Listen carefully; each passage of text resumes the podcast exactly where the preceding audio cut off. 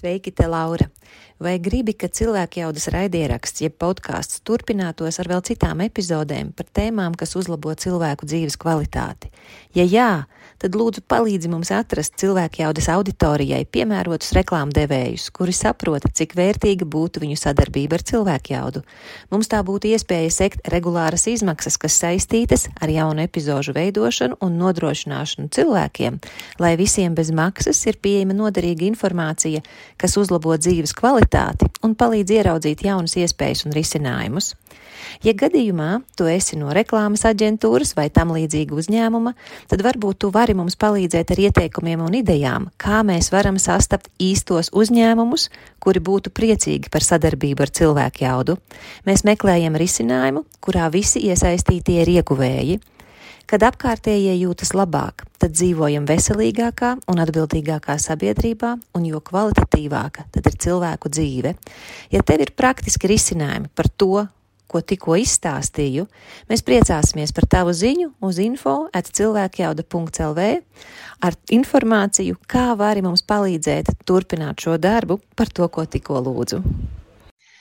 Sveiki visiem! Kā solījām, mēs cenšamies atrast risinājumu situācijām, kas cilvēkiem šajā izaicinošajā laikā varētu sagādāt visvairāk grūtību, problēmu un situāciju, kuras patiesībā no kurām sev var pasargāt. Tāpēc es uz sarunu aicināju Līgu Bērziņu, kas ir uzvedībā LV radītāja.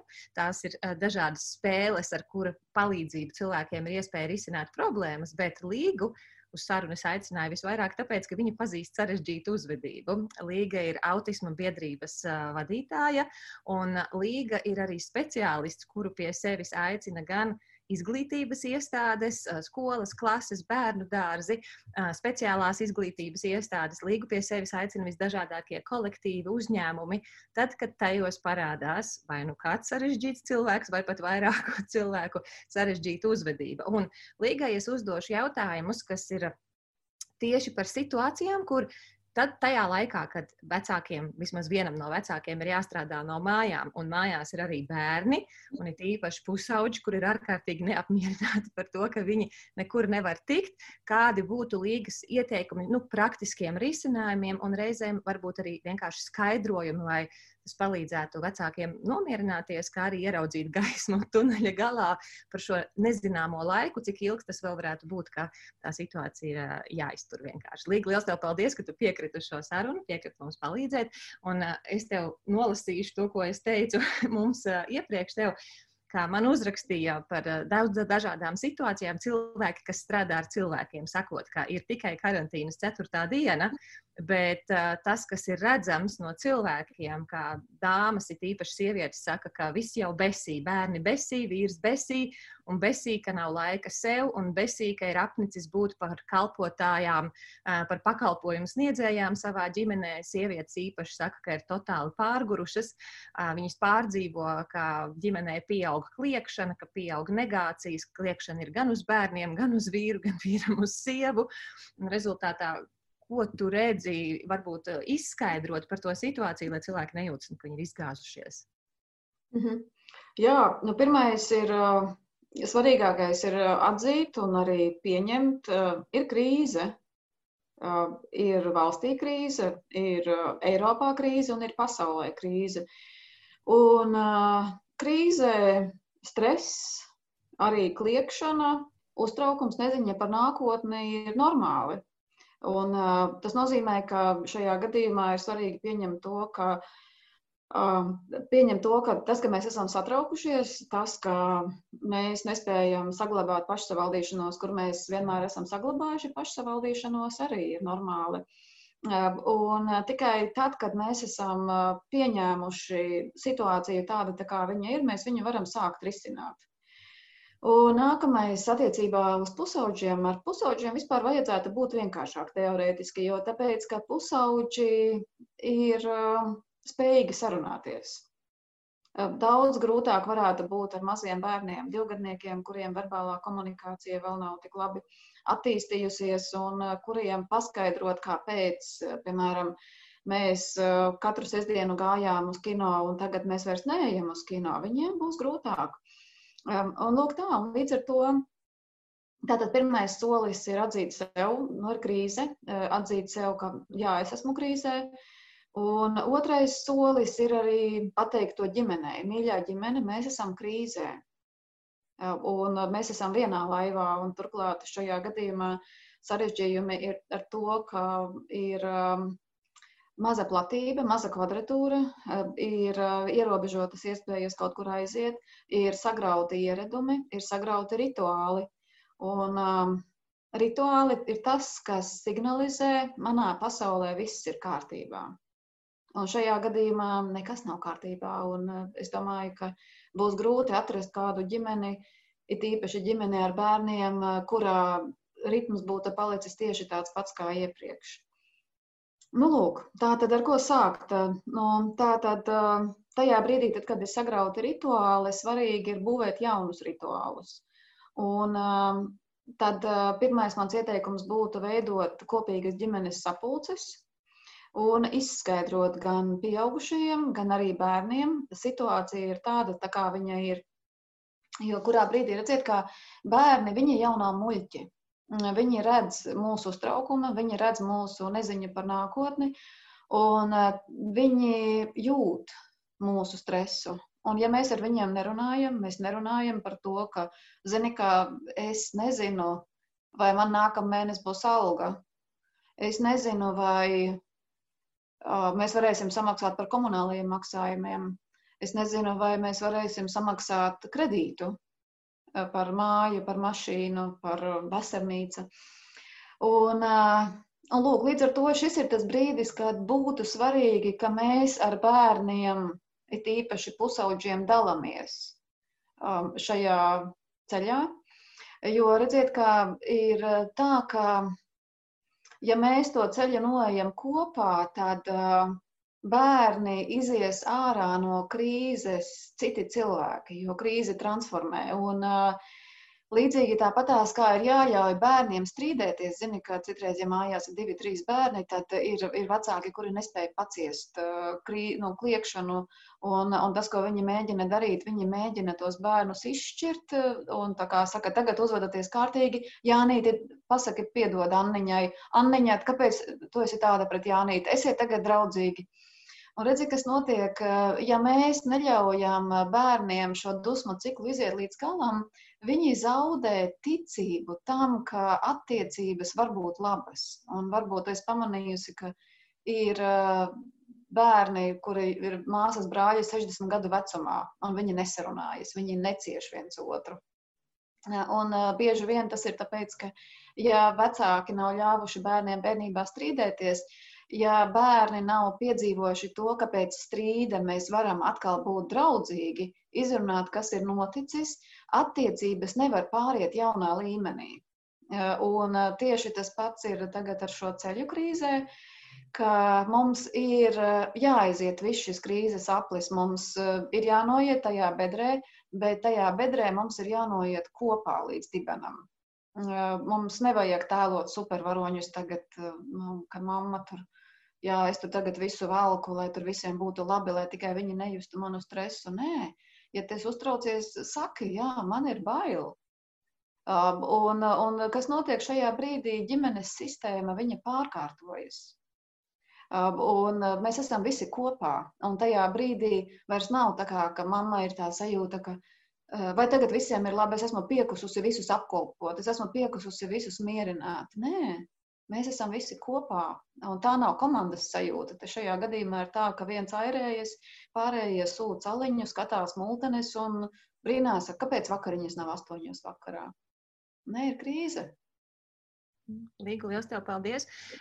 Man īpaši lūdza jautāt mammas, kas vienas pašas audzina savus bērnus, jo viņām nav ar ko sadalīt to slodzi. Pie vecākiem braukt nevar, tāpēc, ka viņi ir vislielākā riska grupa, un partneri, uz ko paļauties, nav. Un ir tikai bērni, un ir tādas mammas, kurām ir piemēram desmit un, un seši gadīgs, un varbūt viens pavisam vēl maziņš ir. Un es saprotu to situāciju, vajag ļaut viņiem izstrīdēties. Man tikko bija tāda situācija, kur viens sagrāva otram uzbūvēto trasi. Uh, un sākumā es priecājos, cik forši, ka viņi ir uzbūvējuši trasi, nu tik būs forša spēlēšanās, un tad viens izdomāja šūpoties, un šūpojoties iespēja pa trasi, trasā izlidoja pa gaisu, viens bļauj, otrs bļauj, ka viens bļauj, un uh, tajā situācijā es domāju, kā lai es pastrādāju, man tūlīt ir saruna ar līgu. Un tad es vienkārši iedomājos tos citus vecākus, ka viņi saprot, ir forši, ka var izstrīdēties, bet man ir jāstrādā vienlaicīgi. Kāds ir risinājums šajā situācijā? O, zini, kā risinājums ir tāds, ka vienoties par noteikumiem, vienoties, kā mēs strīdamies. Jo redzi, kā katram strīdam ir sava anatomija. Un šajā gadījumā, ja mēs nesaprotam, kā mēs strīdamies, ko mēs darām, mēs nevis uh, risinām konfliktus, nevis risinām strīdus, bet mēs reaģējam uz viņiem un mēs reaģējam tā, kā mēs mākam reaģēt. Un, un reakcijā vienmēr pirmā atbilde būs nepareiza. Jā, tas ir tas, ka Tā kā es arī nezinu bērnu, kurš kā, pēc tam pateiktu, ka oh, es reaģēju pārāk neemocionāli. Ja, tā kā lielākoties tas, ko mēs saprotam, ka mēs reaģējam pārāk emocionāli. Uh, un tā tad pirmais, kas ir, ka šajā brīdī, tad, kad ir bijis konflikts, tad ir bijis briesmīgs strīds un, un sagrauta trase, kas ir celta trīs stundas, tas ir, tas ir, tas ir, tas ir, tas ir, tas ir šausmīgi vispārībā. Un uh, bērnām, kurš kliedz, viņam ir tiesības par kliegt par to. Uh, un tad nākamais ir. Oh, tad, kad viss ir nokliegušies, un tad, kad emocijas ir norimušās, un tu noteikti zini to, tu esi gudrs cilvēks, ka, uh, ja kāds ir uz tevi drausmīgi apvainojies, ja kāds ir uz tevi briesmīgi, briesmīgi, briesmīgi, nezinu, tur, tur, tur sadusmojies, uh, uh, nometis klausuli, nezvani viņam uzreiz atpakaļ. Pēc 20 minūtēm zvani, jo tie visi bioķīmiskie procesi smadzenēs, tur kā tie hormoni sakārtojas un kā domāšanas procesi sakārtojas, uh, ir tā, ka mēs eh, atpakaļ tādā domāšanas stadijā nonākam pēc 20 minūtēm. Un šajā gadījumā, kas būtu labi, ja pēc tam 20 minūtēm, oh, es nezinu, kā tas būs iespējams, bet es tev izstāstīšu tagad teoriju. Lai mēs saprastu, ka tu izrunā ar bērniem, un, un jūs aprunā, aprunājies ar vienu, klausies, es saprotu, ka, ka tas bija šausmīgi, un es pilnīgi, pilnīgi, pilnīgi tevi saprotu, ka ka, cik tu briesmīgi jūties, ka tava trase ir sajaukta. Un, un vai tev ir kādas idejas, ko tu varēji darīt savādāk tajā brīdī? Un viņš pasaka, jā, nu varbūt, ka es varēju, nu, kliegt drusciņ klusāk, saka, malacis. Tālāk paprasīja otrai pusē, zini, kā, nu, es redzēju, ka tev tā sanāca, ka tu šūpojies un tu to trasi sagāzi, un tad uz tevi kliedza, un, un kā tu domā, kā tu varēji atbildēt savādāk? Kā tu domā, ko tu varēji darīt savādāk? Un tajā brīdī, tad, kad visas puses ir izrunājušās, uzrakstiet to uz sienas. Nu, labi, ne uz sienas. Man jau šodien par Latvijas rādio no, no rīta intervijā teica, ko viņi domā par to, ka es palūdzu, ka teicu, ka, nu, ja jūs gribat mierīgus bērnus, atvēlat viņiem vienu sienu, kuru zīmēt. Un, nu, tad, tad uzliec tapeti, tur vecu tapeti virsū, vai uzliec flipchart lapas vai kino plakātus nevajadzīgus. Uzraksti šo strīdēšanās noteikumus uz sienas. Un šī ir tā komunikācija par komunikāciju, jo strīdēties ir jāiemācās. Un strīdēties tas nenozīmē vienkārši kliegt klusāk, vai strīdēties nenozīmē sist mazāk sāpīgi. Strīdēties nozīmē saprast, kas šajā brīdī notiek ar mani, saprast, kas šajā brīdī notiek ar otru cilvēku, kas tev ir pretī. Un, un, tā, un tas izklausās ļoti sarežģīti, jo pirmā, pirmās trīs dienas tev vienkārši vajadzēs stādināt bērnus un atrunāt katru noteikumu ciklu, nu, nezinu, pēc piecām minūtēm, pēc desmit minūtēm. Bet, uh, tu redzēsi, ka paliks aizvien labāk un vieglāk un mierīgāk. Paldies, Līgu. Ja drīkst, es nākšu tagad ar konkrētām situācijām, jo mēs aptaujājām cilvēkus par viņu jautājumiem, un es tev likšu priekšā dažādas situācijas, kur šis visādi citādi foršais risinājums vienkārši kaut kādu iemeslu pēc varētu nedarboties. Un tad, ja tu vari izstāstīt, ko citādāk darīt. Pirmā lieta starp maniem bērniem problēma nav šī situācija, bet problēma ir tā, ka vienam ir astoņi gadi, un ar viņu var kaut ko sarunāt, otram ir trīs gadi, un tur tā sarunāšanas iespēja ir krietni mazāka. Uh, mm. ir mammas, kuras man ir teikušas, es ar savu divgadnieku vispār neko nevaru sarunāt, un sanāk, ka tas mm. otrs, kuram ir tur seši vai septiņi gadi, ir tas, kurš reāli visu laiku dabū ciest, jo viņam ir jāpiekāpst tam mazajam, jo ir jāpatur prātā, ka šajā laikā mammai ir jāstrādā. Nu, tas ja viņa varētu sēdēt pie tiem bērniem un izrunāt tikai, bet viņai ir jāatbild telefonu zvani vēl no biroja, kur ir jāpaceļ klausule, tad, kad ir jāpaceļ klausule, kā rīkoties šajā situācijā. Oh, cik tā ir brīnišķīga situācija. Um, un uh, visi mēs zinām no to, ka mums ir tādi klusi, klusi bērni, un, un mēs tur klusiņām kaut ko nočubinamies savā starpā. Un tajā brīdī, tā, kad mums zvana telefons, tad uh, tās troksnis blakus istabā, vai nedod Dievs tajā istabā, kur jūs visi kopīgi strādājat un spēlējaties, viņš pieaug, pieaug un paliek aizvien skaļāks un skaļāks. Uh, kas tas ir par fenomenu? Uh, Pirmkārt, uh, it īpaši šajā krīzes situācijā bērniem ir svarīgi būt kontaktā ar mums. Un ir bērni, kuri jūt, ka tajā brīdī, tad, kad mamma sāk runāt pa telefonu, viņa pazūd. Mēs to mammu zaudējam, tāpēc, ka mammai pazūd acu skatiens, mamma kaut kur nolien kādā kaktā, un viņa runā, runā, runā un runā un runā. Un bērni ar muguras smadzenēm jūt, vai mēs esam šeit, vai mēs šeit neesam klāt. Um, un uh, te ir tādas pāris maģiskās uh, formulas, kas var palīdzēt. Uh, tātad, ticiet man, visa Latvija un visa pasaule pašlaik ir ar maziem bērniem mājās. Un tas, ka no jums zvanīs biznesa partneris un jums fonā būs kliekšana, šajā gadījumā viņi nedomās neko sliktu par jums. Viņi padomās, ka, oh, mēs esam vienā laivā un, oh, kādam ir grūtāk nekā man šī ir svarīga sajūta, un šo sajūtu ir svarīgi saglabāt. Kāpēc? Jo tāpēc, ka perfekti vecāki neeksistē. Un e, būtu labi, ja mēs pieņemtu, ka mēs esam neperfekti vecāki. E, un e, būtu labi, ja, piemēram, sarunas sākumā mēs arī partneriem pateiktu, ka atvainojies, es esmu mājās. Iespējams, ka fonā sāksies kliekšana, jo bērni man labi dzīvo, un viņi sāk kliegt tieši tad, kad zvana telefons. Mm, un uh, ko tas izdara? Tas izdara to, ka arī bērni, kas būs apkārt, viņi redzēs, ka tajā brīdī, tā, kad zvana telefons, uh, jūs neesat tik saspringuši. Jo bieži vien bērni paliek uztraukti, jo viņi redz, ka jūs esat uztraukti. Un jūs paliekat uztraukti tad, kad zvana telefons. Tātad mēs nonākam tādā atburtā lokā. Tātad Pieņemam, ka dzīve ir tāda, tā kā viņa ir, un, un vienkārši pasakām partneriem, atvaino bērni klieks. Un, ja viņi nekliedz, tad mēs svinam. Mēs svinam katru reizi, tad, kad viņi nekliedz. Tas ir bonus vienkārši. Tas ir, tas ir, to mēs pieņemam kā absolūti brīnišķīgu dāvanu un, un, un nosvinam katru reizi, jo lietas, par ko svinēt, nav nemaz tik daudz. Tālāk nākamais. Uh, Arī ar trīsgadnieku var ļoti daudz labas lietas sarunāt, mēs to labi zinām.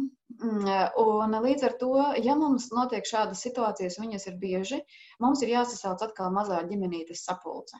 Mēs pasakām, bērni, es esmu pamanījusi, ka viss ir labi, ļoti labi jūs dzīvojaties līdz brīdim, kad zvana telefons. Un kas tas ir? Mm, un, faktiski šajā gadījumā, protams, ka trīsgadnieks nevarēs atbildēt uz to jautājumu, kas tas ir. Bet cik kā kas notiek, tas ir tas, ko es arī iepriekš minēju, ka bieži vien mēs nepamanām, ko mēs darām. Mēs vienkārši reaģējam uz notikumiem. Un šajā brīdī, it īpaši ar vecākiem bērniem, tad, kad mēs nosaucam lietas vārdos, viņi pamana to un viņi sāk kontrolēt savu uzvedību. Tātad tas ir otrais. Trešā labā lieta, ko varbūt varētu izdarīt ar bērniem šādā gadījumā, ir vienoties par noteikumiem. Tātad, mīļie bērni, tajā brīdī, tad, kad zvana telefons, tad. Un, ja tā kā jūs klieksiet, tad. Ja jūs paliksiet mierīgi tajā brīdī, tad, kad man zvanīs telefons, jo man ir svarīga saruna, tad, piemēram, es iedošu jums 20 minūtes datorlaika klāt. Mm, un vienkārši atzīmējiet katru reizi, kad bērni ir mierīgi, tad, kad zvana telefons. Un jūs redzēsiet, ka tas ir biežāk nekā tā, ka viņi kliedz. Jo vienkārši visi šie spilgtie notikumi, viņi pievērš uzmanību. Eh, un līdz ar to mēs fokusējamies nevis uz tām labajām lietām, kas notiek ar mūsu bērniem, bet mēs fokusējamies uz to, ka mēs esam stresā, ka varbūt tā, šajā brīdī tas notiks. Un, un, un, un faktiski mēs ar savu stresu arī arī provocējam šādu uzvedību. Mhm, Lielas paldies, Līgu. Um, viena no dāmām man ap, um, izstāstīja savu situāciju, ka viņas bērniem 8 un 11 gadi, un tad, kad viņai ir jāstrādā no mājām, un viņa nevar neatbildēt tos zvanus, uh -huh. šie salīdzinoši jau nu, normāla, saprātīga vecuma bērni, viņi taisa pamatīgu troliņu. Un, mm -hmm. uh, ir tikai viena istaba, kur viņi varētu nolīst, bet skan cauri jebkurā gadījumā. Viņi tāpat sastrīdoties, iznesās no tās istabas ārā, tur, kur tā māma cenšas strādāt. Un rezultātā viņa saka, es varu pastrādāt tikai četras stundas, bet man tas darbs ir jādara uz pilnu slodzi. Un tā mhm. sajūta, ka mani nesaprot, ka mani neņem vērā un ka es nekā ar viņiem nevaru sarunāt. Es, protams, saprotu, ka droši vien tā situācija ir jāskatās no ilgākā kontekstā. Šis nav tikai krīzes laika jautājums, bet um, ko tagad darīt ar šādiem bērniem? Hmm, redzi, kā ir, mēs varam skatīties viņu uh, mēs arī viņu varam skatīties arī nu, krīzes kontekstā, jo tāpēc, ka redzi, ka um, nu, ģimenēm nevar pateikt, nu, klausies, kur tu biji ātrāk, nu, viss par vēlu, ja tagad viss ir nu, sabojāts un, un, un viss, jo redzi, kā to var, mēs varam aiztaisīt internetu ciet, mēs varam aiztaisīt ciet, izslēgt televizoru, bet ģimene ir tāds seriāls, ja tu esi viņā iekāpis iekšā, tu nevari vienkārši izkāpt no tā visa ārā. Un, Līdz ar to mēs esam tur, kur mēs esam. Un šodien mums ir izdalītas tādas kārtas, tādas tā kā mums viņas ir izdalītas, un mums ar viņām ir jāspēlē. Un eh, tas būtu ļoti labi, ja mēs pieņemtu, ka mēs spēlējam ar šīm kārtīm, nevis ar kaut kādām imaginārām. Jo mums jau gribās tos perfektos bērnus un to, to ideālo ģimeni, bet, kā jau teicu, no tādu Varbūt, ka ir, nu, bet, bet tad piesakieties tās perfektās ģimenes. Bet, eh, bet eh, uzvedība LV tā nav tādām perfektajām ģimenēm. Tās ir ģimenēm, kuras vienkārši dzīvo parastu dzīvi. Lūk, un eh, tā tad, kas ir, kas ir būtiski, ka šie mazie bērni, māsas un brāļi, viņi visbiežāk un parasti viņi mīl viens otru, neprātīgi mīl. Un ehm, tātad eh, atkal mēs nonākam pie tā, ka mums ir jāplāno diena un mums ir jāplāno notikumi. Un eh, bieži vien bērni strīdās aiz neko darīt. Tāpēc, ka viņi nesaprot, eh, ah, ko lai tagad dara. Jo, jo viņi nav pieraduši plānot sev laiku, jo parasti sestdienās, svētdienās vecāki izklaidē, darba dienās izklaidē pedagogi, Un, un šajā gadījumā izklaide ir bieži vien vispareizākais un visīstākais vārds. Lūk, un ko tas nozīmē? Ka mums ir jāmāca bērniem sevi izklaidēt pašiem. Tas nav tik vienkārši, kā tas izklausās pašā sākumā. It īpaši, ja bērni ir iemācījušies krietnu devu datora lietošanas laiku aizpildīt. Uh, un uh, tā tad uh, atkal ir, es atgriežos pie manas, uh, tāda mana lielā ierosinājuma, taisam plānošanas sapulces. Tas nozīmē, ka mums ir viena plānošanas sapulce parasti vakarā, kad mēs izvērtējam iepriekšējo dienu un saplānojam nākamo dienu. Nākamajā dienā iespējams pēc brokastīm, kuras vēlams, ka visi pāriet kopā. Bet, ja kāds māsa brālis guļ ilgāk, paldies Dievam, ļaujiet izgulēties, tas nāks par labu smadzenēm. Tad Tad, tad, kad visi ir pamodušies, iedodiet laiku sev plānošanai, tomēr apturiet visu pasauli un piecās minūtēs paprasiet, tātad bērni, kāda jums ir plāni šodienai. Saprotiet, mēs mainām smaguma centru. Nevis jūs šodien darīsiet to, to, to un to, kas ir svarīgi tīņiem. Jo tīņiem, kāpēc lai kāds man pateiktu, ko es šodien darīšu. Nākamais Tā kā es teicu, ka arī caur, tiem, caur tām rindiņām, ko tu nolasīji, es tomēr saklausu lielu mīlestības devu. Un tas, kas ir grūti, bieži vien bērniem ir grūti dot mīlestību piemērotā veidā, kas nozīmē, ka mums viņiem ir jāmāca izrādīt rūpes. Un pateikt to, ka, zini, kā ir reizēm, ka tavs mīļotais cilvēks vēlas klusumu, un mīlestība nozīmē respektēt eh, otra cilvēku vajadzību pēc vientulības. Un eh, atkal šīs lietas mēs izrunājam, jo savādāk ir tā, ka viens tur nāk virsū, ejam spēlēties, otrs, ai, ko tu piesienies, ja, ko tu piešuvies pie manis, ja, tur mamu, es gribu no viņa tikt vaļā. Un, un tad mums liekas, ah, kāpēc bērni tā necieš viens otru. Un tad mēs aizējām kaut kur uz ballīti, un tur sākas strīdi, un mēs redzam, nē, kā viņi pastāv viens par otru. Ja, tā tad, ko tas nozīmē? Tas nozīmē, ka mums ir diezgan, diezgan mehāniski jāmāca bērniem dzīvot kopā, darīt lietas kopā un uh, arī darīt lietas individuāli. Un, piemēram, ja ir viens tāds hiperaktīvs bērns, kuram vajag visu laiku kādu bērna uzmanību, tad šajā gadījumā labākais būtu, ka mēs atkal vecāki ieinvestējam laiku lai tam hiperkustīgajam bērnam iemācītu un atrastu kaut kādas intereses, ko viņš patiešām spēj darīt viens pats. Vai tās ir sudoku mīklas, varbūt tās ir krustvārda mīklas, varbūt tās ir tā pati nelaimīgā zīmēšana uz sienām, varbūt oh, tās ir nu, kaut kāda liela zīmējuma veidošana, varbūt tās ir kaut kādas no kartona kastēm instalācija veidošana, varbūt tie ir alvas zaldātiņi. Uh, tā kā pa, LEGO pasakojam, pasakojam līdzi, jo vispār arī tu zini, cik ir kaitinoši pieaugušie, kuri nespēja dzīvot bez citiem pieaugušajiem. Ja, tā kā tas, ko mēs mācām, mācām bērnu nodarbināt paši. Vēl ko es gribēju pateikt, lai neizklausās, o, tur viņa tāda pareizā, kā viņa māk dzīvot. Tas bija mans pamatlikums, man pašai trīs bērni, un viņi kādreiz arī bija maziņi, un Un, un faktiski mana vienīgā atvaļinājuma ir bijuši tikai dekrēta atvaļinājumi. Un, un es esmu ātri atgriezusies darbos, un es esmu strādājusi no mājām. Un, un tā visu šo laiku, visu šo arī laiku, kad es apvienoju mācības ar darbu, uh, Un ar, ar bērniem tāds, tāds, tas pamatlikums man ir tāds, ka laiks ar bērniem ir kā investīcijas. Jo tu vairāk investēsi bērnos, ar viņu kopā darbosies un parādīsi, kas viņiem sanāks, jo mazāk bērns prasīs laiku no tevis.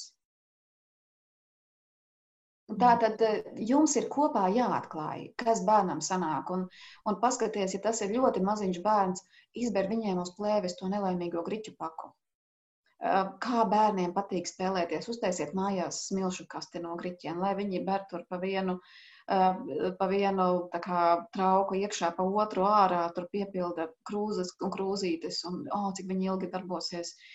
Un, ja viņi apēdīs arī nekas, mm, vai, vai uztaisiet kaut ko no sāls mīklas, un vienkārši sekojiet līdzi, kas bērnam patīk, kas viņam padodas, un slavējiet tos brīžus, kad bērni ir klusi, jo tāpēc, ka um, viņi sapratīs, ka jūs novērtējat to, ka viņi ir klusi, un uh, ka tā ir tā uzvedība, uh, kuru jūs svinat. Jo redzi, ka ir īpaši mazi bērni, viņi neatšķir pozitīvu un negatīvu uzmanību. Uh, un, ja mēs pievērsīsim bērnam uzmanību tikai, tāpēc, tikai tad, kad viņš klieks, ko viņš darīs, viņš klieks vēl vairāk. Tā kā tā, svinam, svinam kopā ar bērnu katru brīdi, uh, kad viņš ir kluss. Un pasakām, malacis, jā, šī ir tā uzvedība, kuru mēs gribam redzēt. Mm, kolosāli, paldies, Līga. Tad, ko darīt ar pusauģiem? Jo vecāki ir ļoti noraizējušies par pusauģiem, man tur vairāki punkti, ko tev pajautāt ir. Bet viens ir tie pusauģi, kuriem ļoti vajadzīgi citi pusauģi, un viņi ir ļoti nikni par to, ka viņiem tagad ir jāsēž mājās. Nu, konkrēti situācija viens pusaudzis ir neapmierināts ar to, ka jaunākais brālis vai māsa ar viņu nespēlējas. Tiem, tie ir pašpietiekami, viņiem vajag forši pašiem savā nodevā spēlēties. Viņš mēģina tur, tad viņš netiek ar to brāli. Brālis atsakās spēlēties, tad viņš iet pie mammas. Mammai savukārt ir jāstrādā un ir vistrakākā darba diena, kamēr visu pārkārtot tas bērns paliek nikns un viņš piedraud, ka es tūlīt braukšu projām. Un man ir pie kājas, nu, protams, viņš lieto rupjākus vārdus, un man pie kājas, ka tev ir jāstrādā, man pie kājas, kad ir jebkāda kustība ierobežojumi.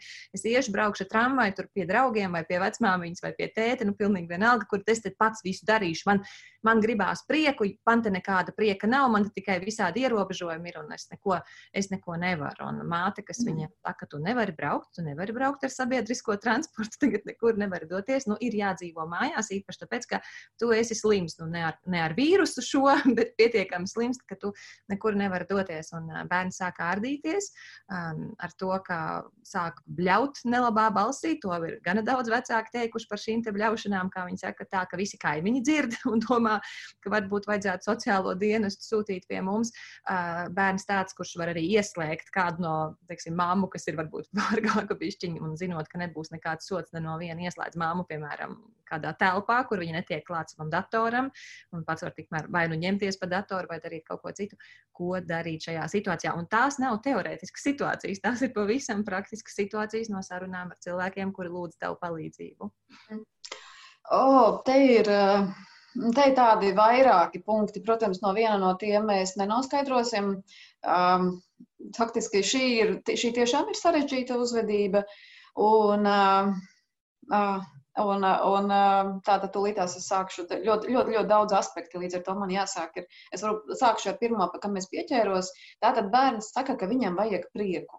Mm, un, oh, tā ir tāda tipiska situācija jauniešiem, kuri ir auguši tādā izklaides laikmetā. Un, uh, tas, ko mēs bieži vien redzam, ka bērns pasakā, o, oh, man ir garlaicīgi, un mamma uzreiz izslēdz plīti, tur puscepta ola, un viņa metās uz ceļiem un sāk bērnu izklaidēt. Uh, un kas notiek? Bērns iemācās uh, to, ka tātad, ja viņam ir pieprasījums pasaulē, tad šis pieprasījums tiks apmierināts uzreiz. Uh, un bērns nav iemācījies pagaidīt. Un iemācīšanās pagaidīt viņa arī viņa ļoti vajadzīga, lai bērns būtu spējīgs pārvarēt grūtības. Jo nu, tu zini, ka ir tāds labs teiciens arī par, par to, ka, ja tu pietiekami ilgi sēdēsi upes krastā, tad kas tur tik vien garām nepa, nepapeldēs. Ja tā tad, oh, tā tad, un līdz ar to, kas, nu, kas, palīdzēs, kas palīdzēs šajā situācijā, pirmais varētu palīdzēt arī kāds konsultācija ar kādu no speciālistu. Uh, Jo, lai gan šī uzvedība izskatās atklāti provocējoša un, un, un, un visādi citādi tāda, kas tā kā asinis liek, liek mums vārīties asinīm, bet iespējams, ka tur apakšā ir nu, tā pati depresija, trauksme, panika. Un, un, Oh, arī es nezinu šo situāciju, un, un ir ļoti, ļoti, ļoti bīstami izdarīt, izdarīt no, kaut kādus spriedumus paviršus, un, un labāk es arī nesākšu to darīt. Bet tas, ar ko es iesāktu darīt, ir sagaidīt to brīdi, kad bērns ir loģisks, un tajā sagaidīt to brīdi, kad bērns ir nomierinājies. Atcerieties, es jau minēju par šīm 20, 20, 20 minūtēm. Uh, un apsēsties ar bērnu un izstāstīt viņam, kas šajā brīdī notiek pasaulē, un izstāstīt viņam, kas šajā brīdī notiek mūsu ģimenē. Un kāpēc darbs, ko mamma pašlaik dara, ir tik ļoti, ļoti, ļoti svarīgs tagad, šeit un tagad.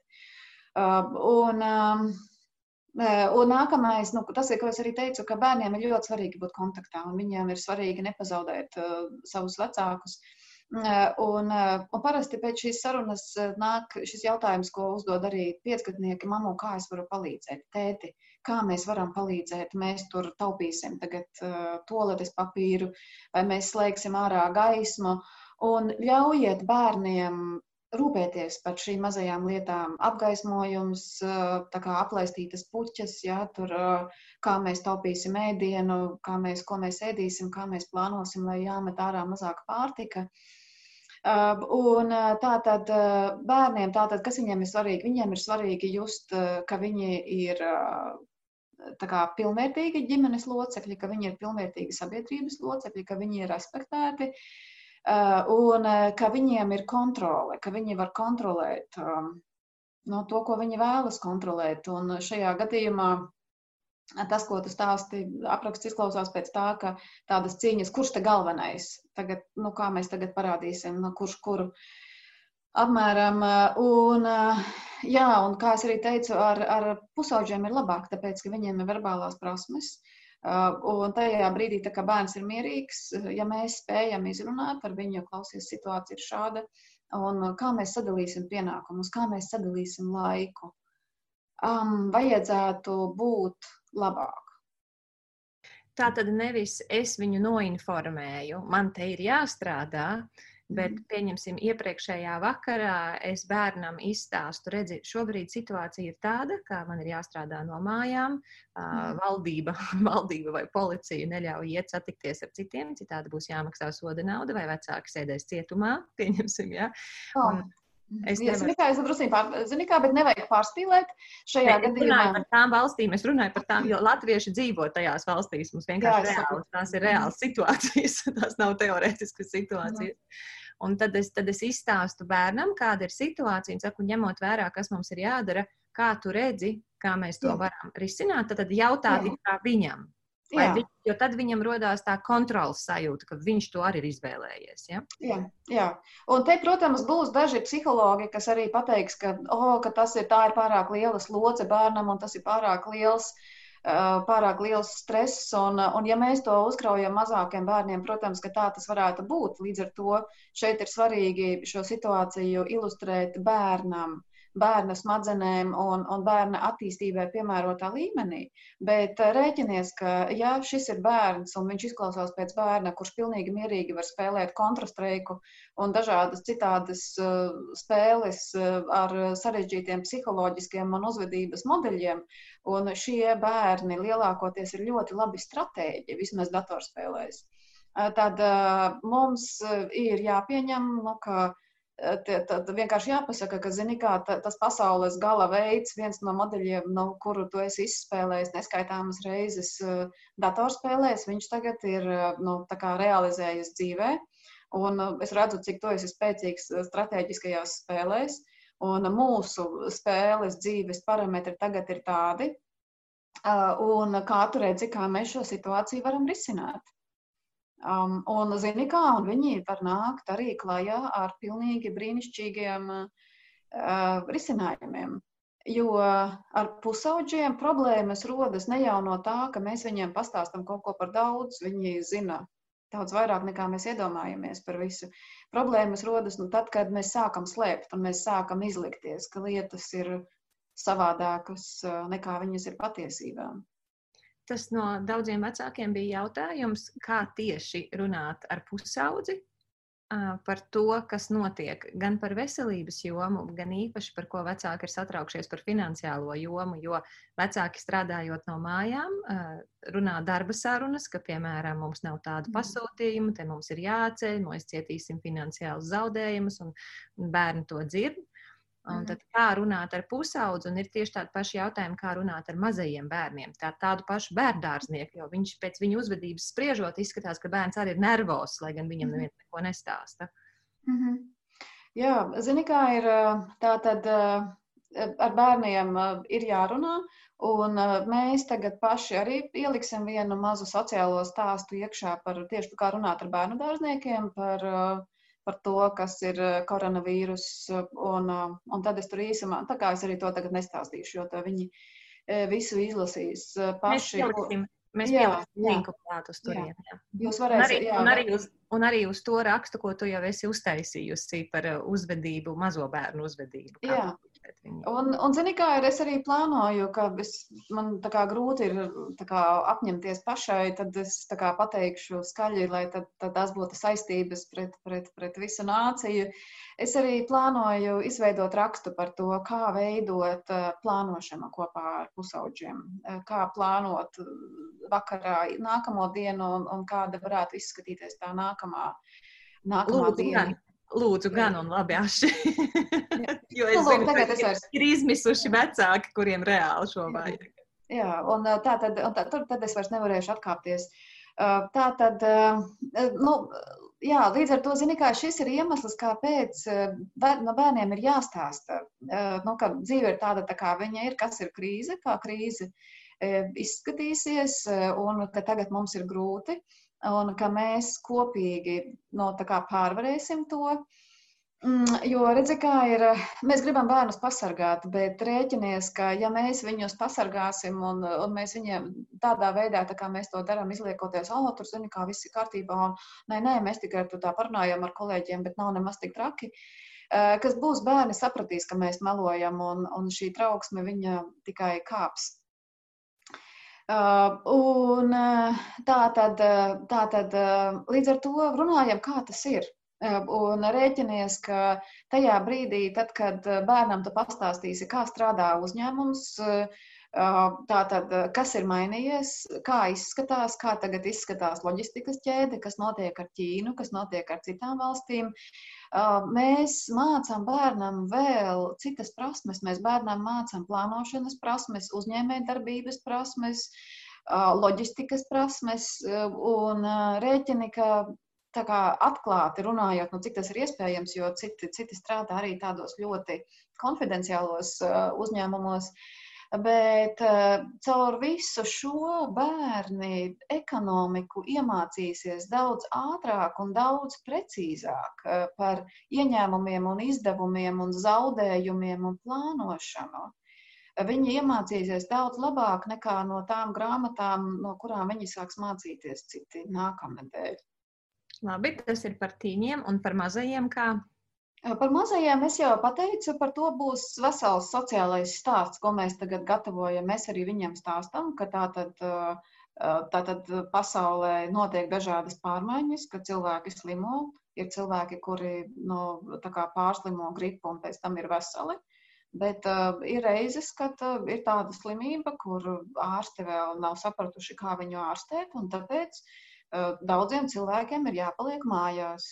Un tad, ko, ko tas nozīmē? Kad, tad mēs darbosimies mājās, mēs uz bērnu dārzu neiesim, mēs spēlēsimies, mums būs savs režīms, un šajā režīmā mēs varam mēģināt paredzēt laiku tam, ka mamma un tētis arī strādās.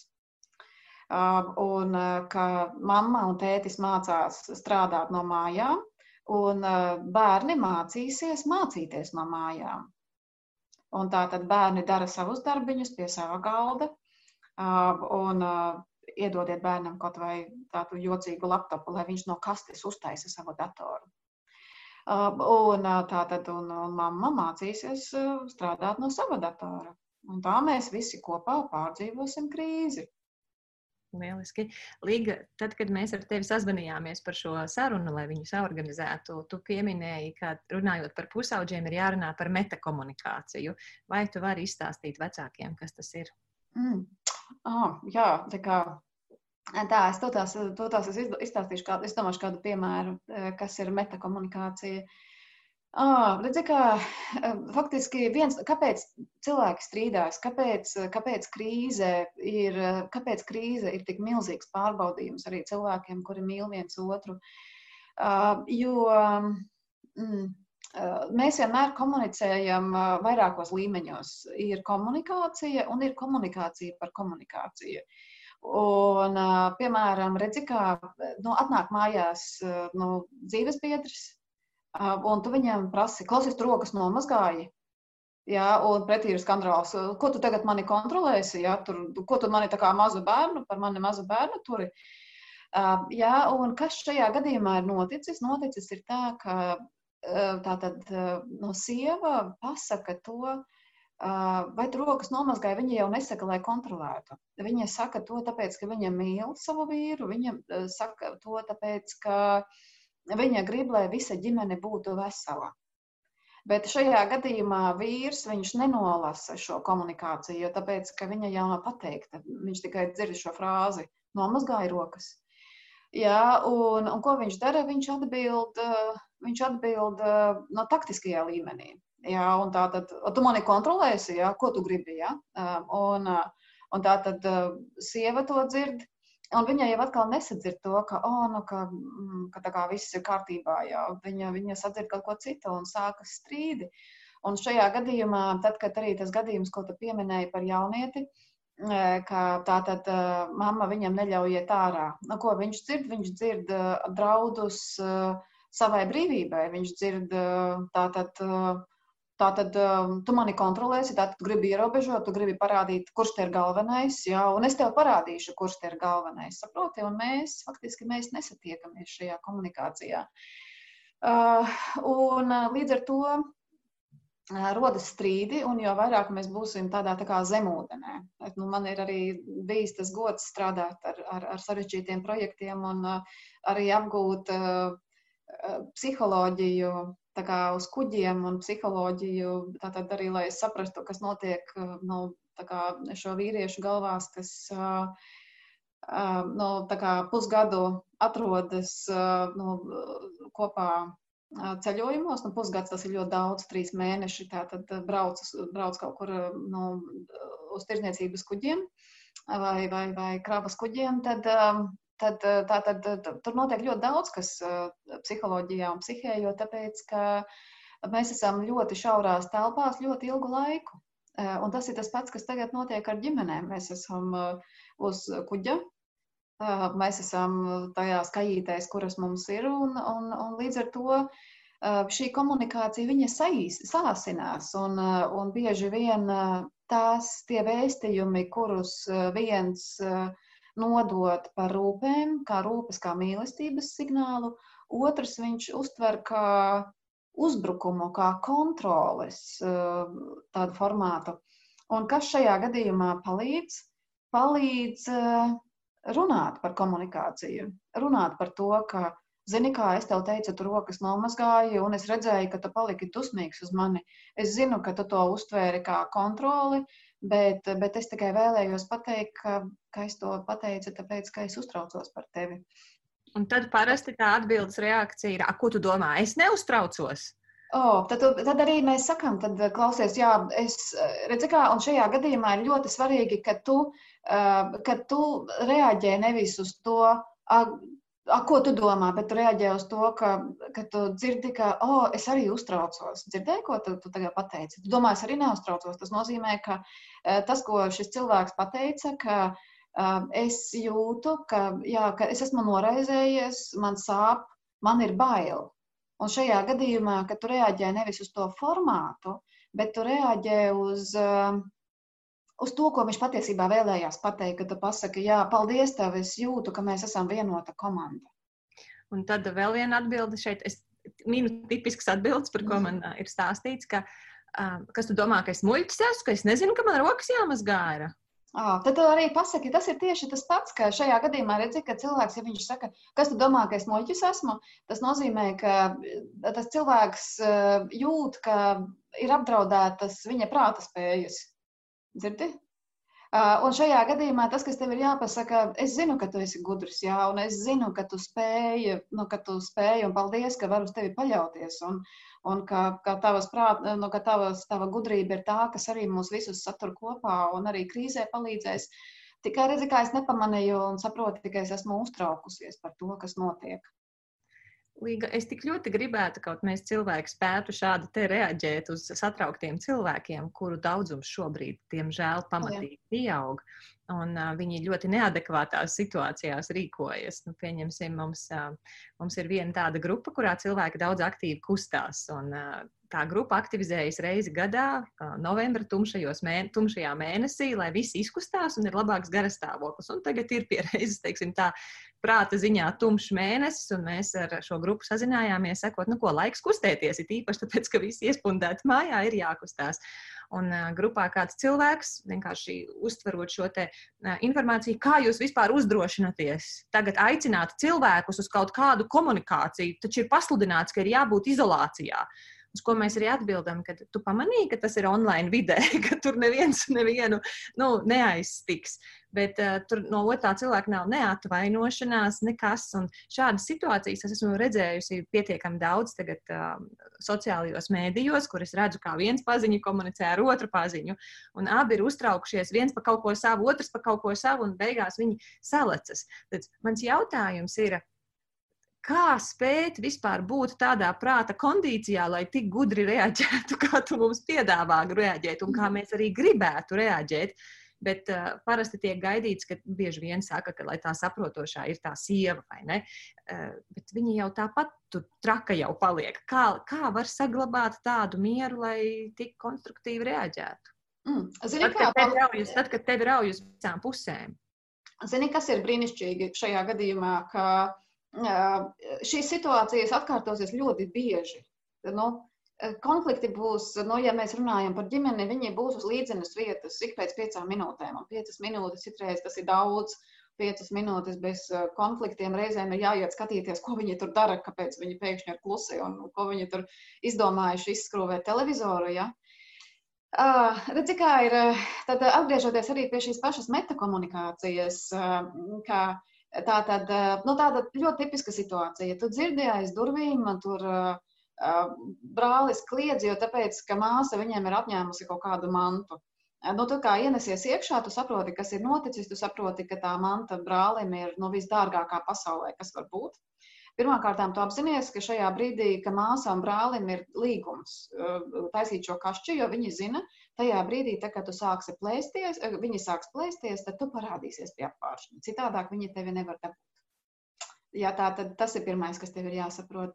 Nākamais ir tā, ka tu saproti, ka nu, tā manta brālim ir ārkārtīgi svarīga, un tu saki, klausies, nu, tur Jasmīna, atdod lūdzu viņai to mantu. Uh, un tajā brīdī Jasmīna viņa tā nomet to mantu un pasaka, es atdodu šeit, man šito sūdu nevajag. Uh, un kas notiek? Tātad vecākam sāk uh, nu, uzvārīties asinis, un viņš tā, paga, ko tu teici, tagad nāc atpakaļ, tagad pasaki to labā tonī. Un redzi, kā, un, un tad meitai ir šajā gadījumā, viņai ir skaidrs, ah, kas man ir jādara. Bet, ja šajā gadījumā uh, tu iemācītos reaģēt nevis uz to, kas tiek teikts, uh, bet uh, uz būtību, un lietas būtība ir tāda, ka viņa to mantu atdeva. Un, ja tu spētu sevi uztrenēt uz to, ka tajā brīdī, tā, kad viņa noliek to mantu un pasaka, no šiem man to sūdu nevajag, ka tu mierīgi pasaki, paldies, ka tu atdevi mantu. Jo, redziet, tas mērķis jau tev bija tāds, ka mēs šajā gadījumā mēs komunicējam pēc būtības, nevis uh, uh komunicējam uz komunikāciju, kas pēc tam pārvēršas komunicējam par komunikācijas komunikāciju. Jo tas beigsies ar to, ka tas tev bērns sāks pārmest tev kaut kādas lietas. O, tu tur pati pagājušajā nedēļā, ko tu tur izdarīji? Ja? A, tu pirms diviem gadiem. Un tad mēs tur izvelkam visus skeletus ārā un viņi tur grabēdami izkrīt eh, pa istabu un, un visa diena ir paralizēta. Lūk, un ko es ar to vēlos pateikt, ka šis ir eh, brīnišķīgs treniņu brīdis, tāpēc, ka tās situācijas ir visu laiku, un tas, ko arī vecāki ir pamanījuši, ka tās situācijas viņas būs identiskas. Viņas bērni saprot šo modeli, un viņi viņu atkārtos un atkārtos un atkārtos. Un tas, ko jūs varat darīt, ir mācīties. Tātad vienam no mums ir jābūt fleksibliem, kas nozīmē, ka uh, izdomā veidu, mm, šajā gadījumā tātad es vienmēr uh, tā kā reaģēju tādā veidā, un tagad, piemēram, tu pasaki, tātad tu ienāc istabā, kur viņi atkal plēšas. Un viņi tā kā metas virsū, māsa tur, bet brolis to, bet māsa pirmā, bet es tur pirms divām nedēļām. Uh, Tad tu pasaki, klausieties, labi, ļoti labi, tad uh, es jūs uzklausīšu, bet tikai sākam kā, noklausīšanos ar to, ka katrs no jums pasaka vismaz divas lietas labas par katru, par ko tu gribi sūdzēties. Lūk, un tad tu paskaties, kas notiks. Un tad tu redzēsi, ka bieži vien no māsa tur ir tāda, un jā, un māsai tur labi sanāk tas, Nu, ko tu gribēji, par ko tu gribēji sūdzēties? Ai, sīkums. Tur viss kārtībā. Kāpēc? Jo tāpēc, ka šī labo lietu pateikšana, viņa palīdz pārslēgties no izdzīvošanas režīma uz, uz racionālo, analītisko režīmu. Nu, lūk, tā kā mēģinam, mēģinam jaunas metodes. Savādāk, ja mēs paliksim, ja mēs iestrēgsim vienā un tajā pašā modelī, tad katra diena būs identiska elle un vēl intensīvāka. Un, Tā. Līga par to metakomunikāciju. Tātad, ja es savam pusaudzim, nu, tas ir tīri teorētiski, man vēl nav mhm. pusauģi, ja es savam pusaudzim saku, nē, tu nevari tagad nekur iet, ir ārkārtas situācija, ir jābūt šajā pašizolācijā, mēs, nu, tas nav iespējams, ka tu varētu braukt ar sabiedrisko transportu, tev ir jāpliek mājās, un viņš sāk ārdīties un trakot. Uh, tad uh, es saprotu no tevis stāstītā, viņš uzskata, ka tas tāpēc, ka es viņu kontrolēju, es viņu ierobežoju, es viņam gribu atņemt prieku, ko viņš tieši tādiem vārdiem arī pasaka. Tad man tagad komunicēt to metakomunikāciju, viņam tieši mhm. pasakot, es saprotu, ka tu domā, ka es tevi ierobežoju, es mhm. saprotu, ka tu domā, ka es tevi kontrolēju, es saprotu, ka tev izskatās, ka es tev gribu atņemt prieku. Mm -hmm. Un tālāk. Un paskatieties, kas tur notiek. Un tad, un tad bieži vien ir tā, ka, nu, nē, mm, jā, un tā kā tu redzēsi, ka bieži vien pirmais tāds viņiem būs tāds apstulbums, tāda pauze, jo viņi, jo viņi sāk domāt, viņi vairs ne tikai reaģē, viņi domā. Uh, un redzi, kā tajā brīdī, tad, kad tu nelaidi jaunieti ārā pa durvīm, ir jau par vēlu. Tas ir tāpēc, kāpēc es teicu, ka ir ārkārtīgi svarīga plānošana. Jo tāpēc, ka ja mums ir saplānota ļoti skaidra diena, mums ir skaidri saplānots, ko jaunietis var darīt, kurā brīdī, kamēr viņš ir mājās, Uh, un atgādini man, man te par prieku vēl jāpastāsta diezgan daudz, ir, kas ir, jo prieks ir faktiski, manuprāt, tā ir izdzīvošanas mugurkauls šajos apstākļos, tā kā par to mēs varētu veselu tādu nodaļu sataisīt. Sarunāts. Jā, tad, tad šajā gadījumā mums visa situācija būtu daudz iedzīgāka, ja tā saruna ar jaunieti, kā izskatīsies šodiena, būtu ieplānota jau no rīta vai iepriekšējā vakarā. Ir tīpaši, ja bērni prasa, kas būs pēc tam, ko mēs darīsim vēlāk, kas būs tālāk plānots, ko mēs ēdīsim pusdienās, ko mēs ēdīsim vakariņās. Tas nozīmē, ka šiem bērniem, arī pieaugušajiem, viņiem ir ļoti svarīga šī paredzamība un šī drošība. Un tad mēs viņiem arī viņu dodam tādā veidā. Un, un tad nākamais ir, kas ir svarīgi, ka tātad, ja šāda situācija ir notikusi, mēs arī, jā, mēs sakām, tātad es saprotu, ka tev šajā gadījumā šķiet, ka es tevi gribu ierobežot, bet saproti, ka tas ir stāsts par likumiem, tas ir stāsts par noteikumiem. Uh, Un, un, tad, un tad, kad bērns jau ir nomierinājies un viņš jau lūdz atdošanu, un es saprotu, ka šajā gadījumā, par ko tu stāsti, tā tas arī noticis, tad ļoti svarīgs ir jautājums nevis tikai pajautāt, o, jā, klausies, jo es tev piedodu, es saprotu, ka tur arī bija sakranķējies. Jo kas notiek, mēs bieži vien pē, arī pēc šādas ļoti agresīvas uzvedības mēs minimizējam bērnu uzvedību. Ai, tur viņam tur tāda, tur viņš jau tāds noguris, stresēns. Nē. Ja bērns atļaujas pacelt roku pret mammu, ja bērns atļaujas demolēt mēbeles, tad tas ir nopietni. Un mēs nevaram atstāt šādu uzvedību bez, bez ievērības. Kāpēc? Tāpēc, ka tad mēs akceptējam, ka afekta stāvoklis ir uh, normāls. Un, un es atvainojos par salīdzinājumu, bet tas beigsies ar to, ka vienā dienā afekta stāvoklī bērns vai nu izmetīs mammu pa logu, vai arī pats izliks pa logu ārā. Un līdz ar to tajā brīdī, tad, kad bērns atvainojas, mēs nesakām, nē, nē, jo es saprotu, tev tur tā un tev tur grūti. Ka mēs prasām, klausies, kas notika, kāpēc tas sākās, kas bija tas, kas iero, no, ierosināja šādu uzvedību, un ko mēs varētu darīt, lai šādas situācijas neatkārtotos. Un paprasīt, klausies, ko man kā mammai darīt, ja tu atkal sāc demolēt mēbeles. Un kā tu uzskati, nu, kā tagad vajadzētu, nu, tas nav sots. Nu, kā domā, ko, tev, ko man tagad kā mammai vajadzētu darīt ar šo situāciju? Un tu redzēsi, ka bērni paši parasti pasaka, ka, nu, jā, nu, labi, tad es iztikšu nedēļu bez datorlaika, kas ir bīstami, starp citu, bieži vien noņemt datoru ir bīstami. Um, jā. Uh, jā, par to arī mēs varam veselu atsevišķu raidījumu taisīt, jo tomēr, nu, komunikācijas... Es jau veidoju, es jau veidoju pierakstus par oh. to mums būs par datoru, nedomā, ka tu no manis atkratīsies pēc tam. Oh, jā, jo redzi, kā, jo tāpēc, ka tā ir socializācija, tā ir vēl viena, vēl viena bērniem, tīņiem svarīga lieta, kas ir piederība. Jā, un, un status vienaudžu vidū. Uh, Līdz ar to izrunājam, lai bērns pasaka, kā viņš redz, un pierakstiet uzreiz. Jo tajā brīdī, kad emocijas ir ārkārtīgi augstas, jums liksies, ka jūs atcerēsieties visu, ko jūs tur sarunājāt un par ko jūs vienojāties. Bet tad, kad pienāks nākamā situācija, tas viss kāps gaisā, tad, tad atkal, atkal, atkal mēs ieiesim vecajā ciklā. Un sanāk tā, ka kaimiņi aiz sienas dzird, ka mamma ar bērnu lamājas katru dienu par vienu un to pašu. Saprotam, mēs tā kā ejam tādā sabojātā platē, ka mēs tālāk netiekam. Un mēs varam tikt tālāk tieši tā, runājot eh, par to, kas ir noticis, runājot par to, kā tu to redzi, kā es to redzu, un vienojoties par, par jauniem noteikumiem. Labi. Man te vēl jautājums ir par histēriju, un pēc tam man būs jautājums par tīņiem ar pretēju uzvedību, kas māja ar galvu un pēc tam neko nedara. Tagad par histēriju.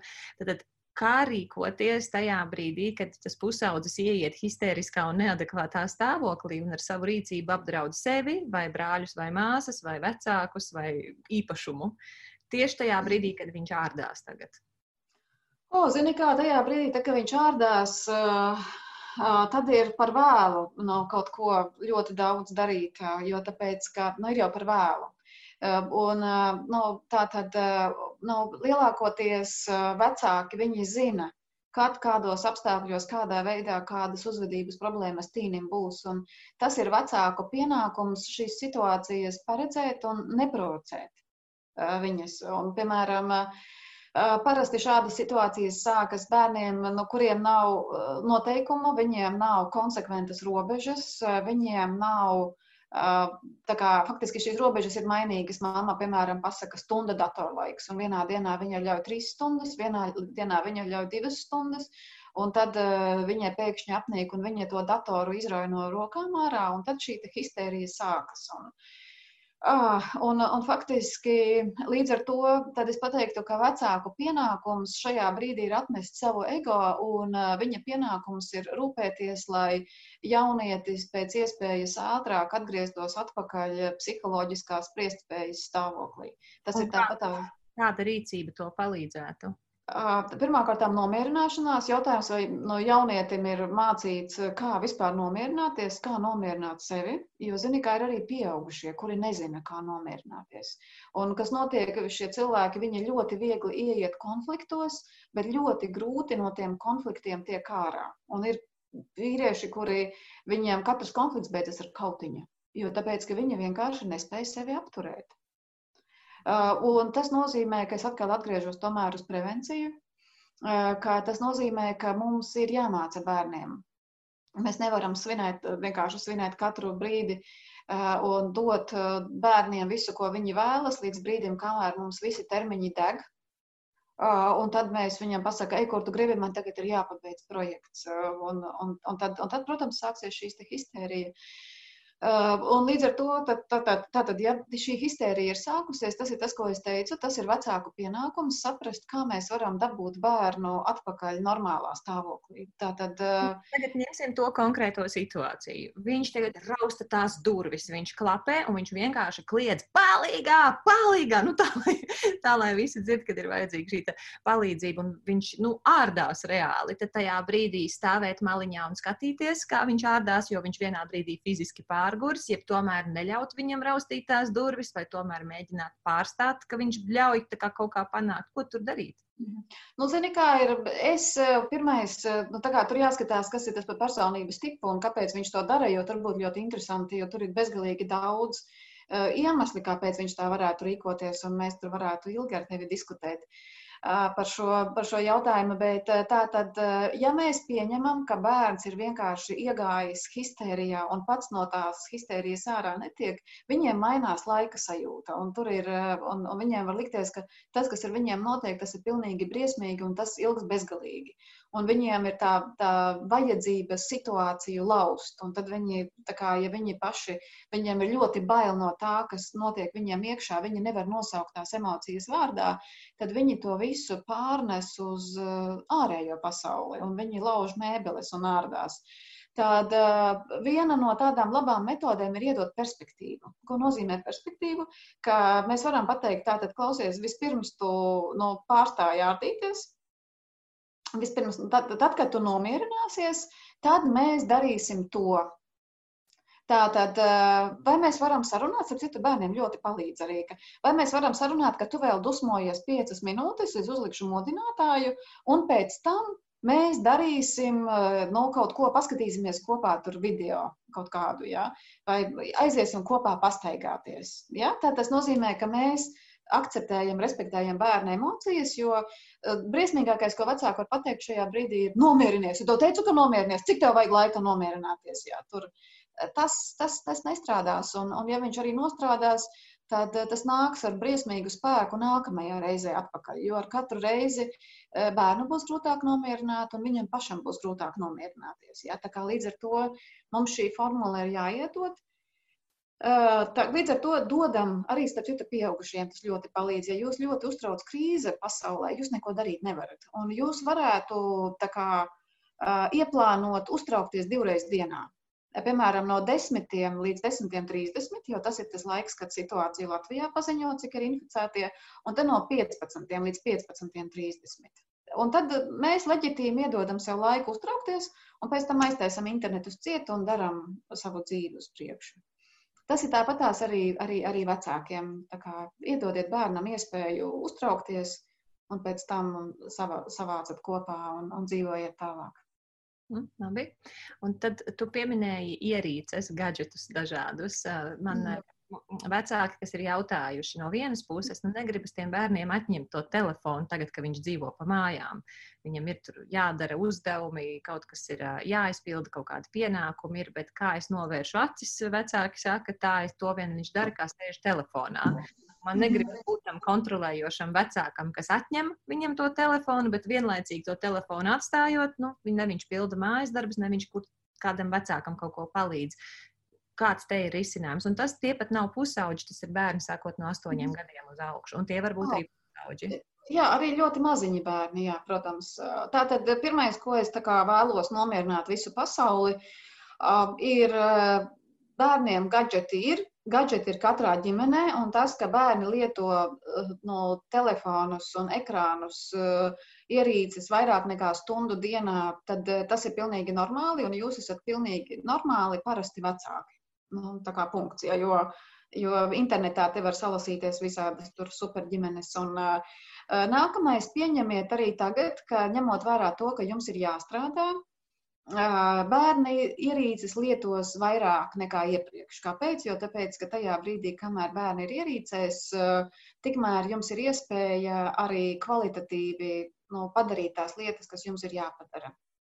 Lūk, tas ir otrais. Tātad nu, nemokieties ar vainas apziņu, jo tas jums nekādā veidā nepalīdzēs, jo jūs tik un tā neko tur nemainīsiet. Bērni kā lietoja ierīces, tā arī lietos. Punkts. Tātad pieņemam situāciju, kāda, kāda tā ir. Tālāk, nākamais, ko noteikti izdariet, lūdzu, lūdzu, lūdzu. Um, sazvinieties ar savu telekomunikāciju sniedzēju, lai nobloķē visu 18 plus saturu. Tas ir, to ir izdarīt ļoti vienkārši, un, un tas jums neko nemaksās. Jo tāpēc, ka statistika ir baisa vispār, Laura, par, par, par 18 plus lietošanu no bērnu vidū. Ir pat, ir pat nu, ir visādas briesmīgas, es pat at, ne, ne, necitēšu, jo tāpēc, ka tā statistika ir patoloģiski augsta. Nē, mēs gribētu gan, lai tu no, nocitē, lai jo oh. cilvēki, kas ar to ikdienā nesaskarās, mēs pat nevaram nojaust, kas ir. Uh, Zini, kā ir, ir viens pētījums, kas ir, ko arī Dārdedze ir publicējusi savā grāmatiņā, uh, klikšķini šeit, Ričard, ne, Tomas, tas bija puisis, ka pat lī, tātad, tātad viņiem tur bija minēta statistika, ka lielo pasaules pornosaitu lietotāji 10% ir bērni līdz 10 vai 12 gadiem. Jā, iespaidīgi. Jā, tā, līdz ar, bet, bet zini kā, nu, arī tā kā es daudz dodos uz skolām, daudz strādāju ar, ar, ar vecākiem, es teiktu, ka, ka jā, ka, nu, man šķiet, ka tas ir pārspīlēti, es atsakos, es atsakos tam ticēt, bet, bet diemžēl tie stāsti, kas nāk mūsu rokās, ir, ir, ir biedējoši. Tātad tas ir tas no tavas prakses, tie jā. jautājumi, ar ko tu saskaries, apstiprina. Jā, jā. To. Jā, okay, tad pirmais ir sazvanīt telekomunikāciju nodrošinātāju un vienoties, kad ir liegums uz 18. Plus. Jā, jā. Tālāk, un nākamais, jūs internetā visu, ko varat salasīt, kā vēl darīt. Nākamais ir ļoti labas bezmaksas visādas programmas, nu, kas ir šī pati Q studio, kas ir ļoti simpātiska. Kas nozīmē arī tas pats Google Family links, starp citu, kas ļoti labi var pateikt, tā tad kuras aplikācijas, cik daudz mēs eh, varam lietot. Ja mēs redzam, ka bērns, piemēram, lieto pastiprināti kaut kādas toksiskās spēlītes, tad Family Link un arī iOS eh, viņiem, viņiem ir, ir sistēmas, kur mēs varam ļoti precīzi norādīt, ka, piemēram, tur kaut kādi Minecraft aplikācija tiek lietota tikai, nu, teiksim, no 40 minūtes dienā. Nākamais, kur ir vērts ieinvestēt laiku, starp citu, ir tagad miljoniem linki klīst internetā. Nav nozīme tas, nu, ka bērns būs ierīcējis. Tā kā, jā, pieņemiet to. Bet nav jau stāsts par to, ka bērns ir ierīcējis. Ir ierīcējis arī pilnīgi brīnišķīgs saturs.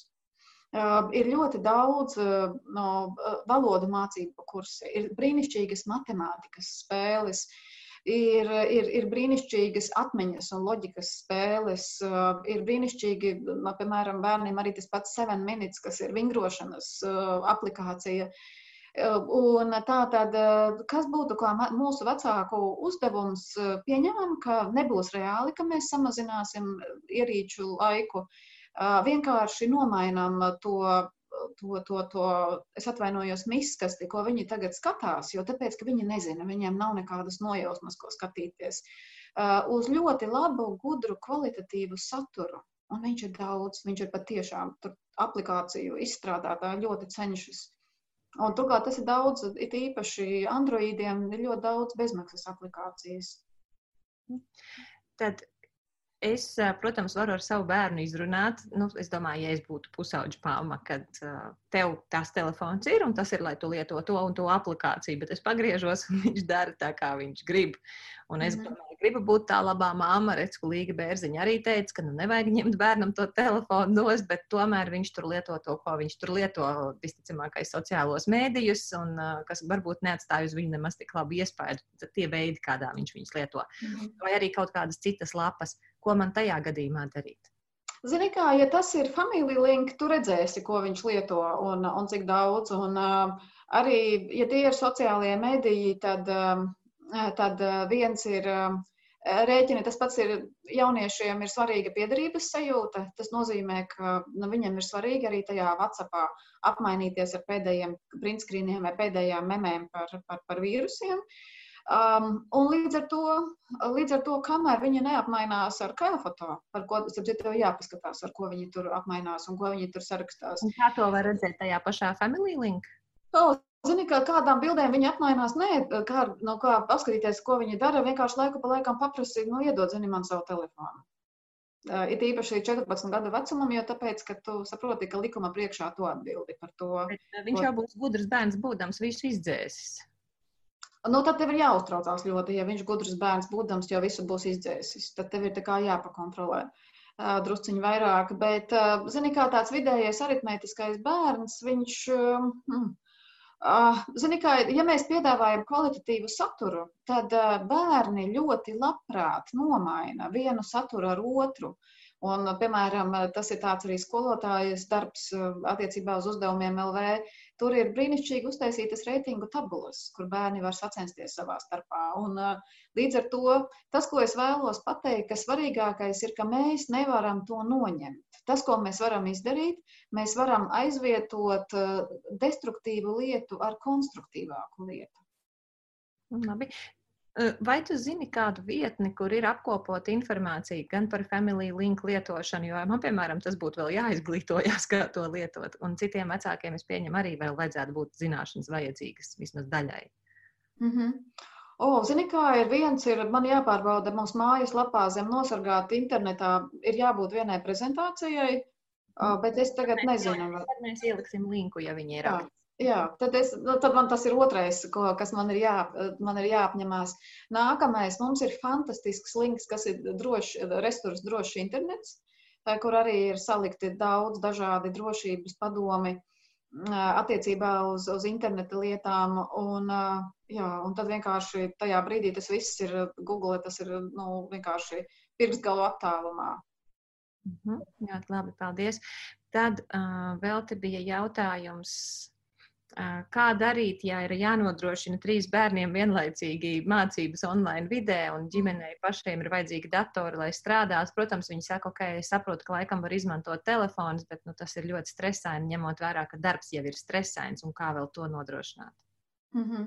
Zini, kā es nezinu, no, atklāt sakot, es nezinu, un es gaidu, tā kā man pašai trīs bērni un viss ir uh, skolēni, un, un, un šodien arī man viena skolotāja zvanīja, un uh, līdz ar to man nav atbildes uz šo jautājumu, kā tas būs. Tā ir jauna un unikāla pieredze uh, visiem mums, kā tas notiks. Un, uh, un es domāju, nu, tas ir tā kā es negribu atkal sasolīties, bet es šo jautājumu pētu dziļāk. Mm, es domāju, ka visas ilūzijas, ka bērni mācīsies, viņas sagrūs ļoti ātri.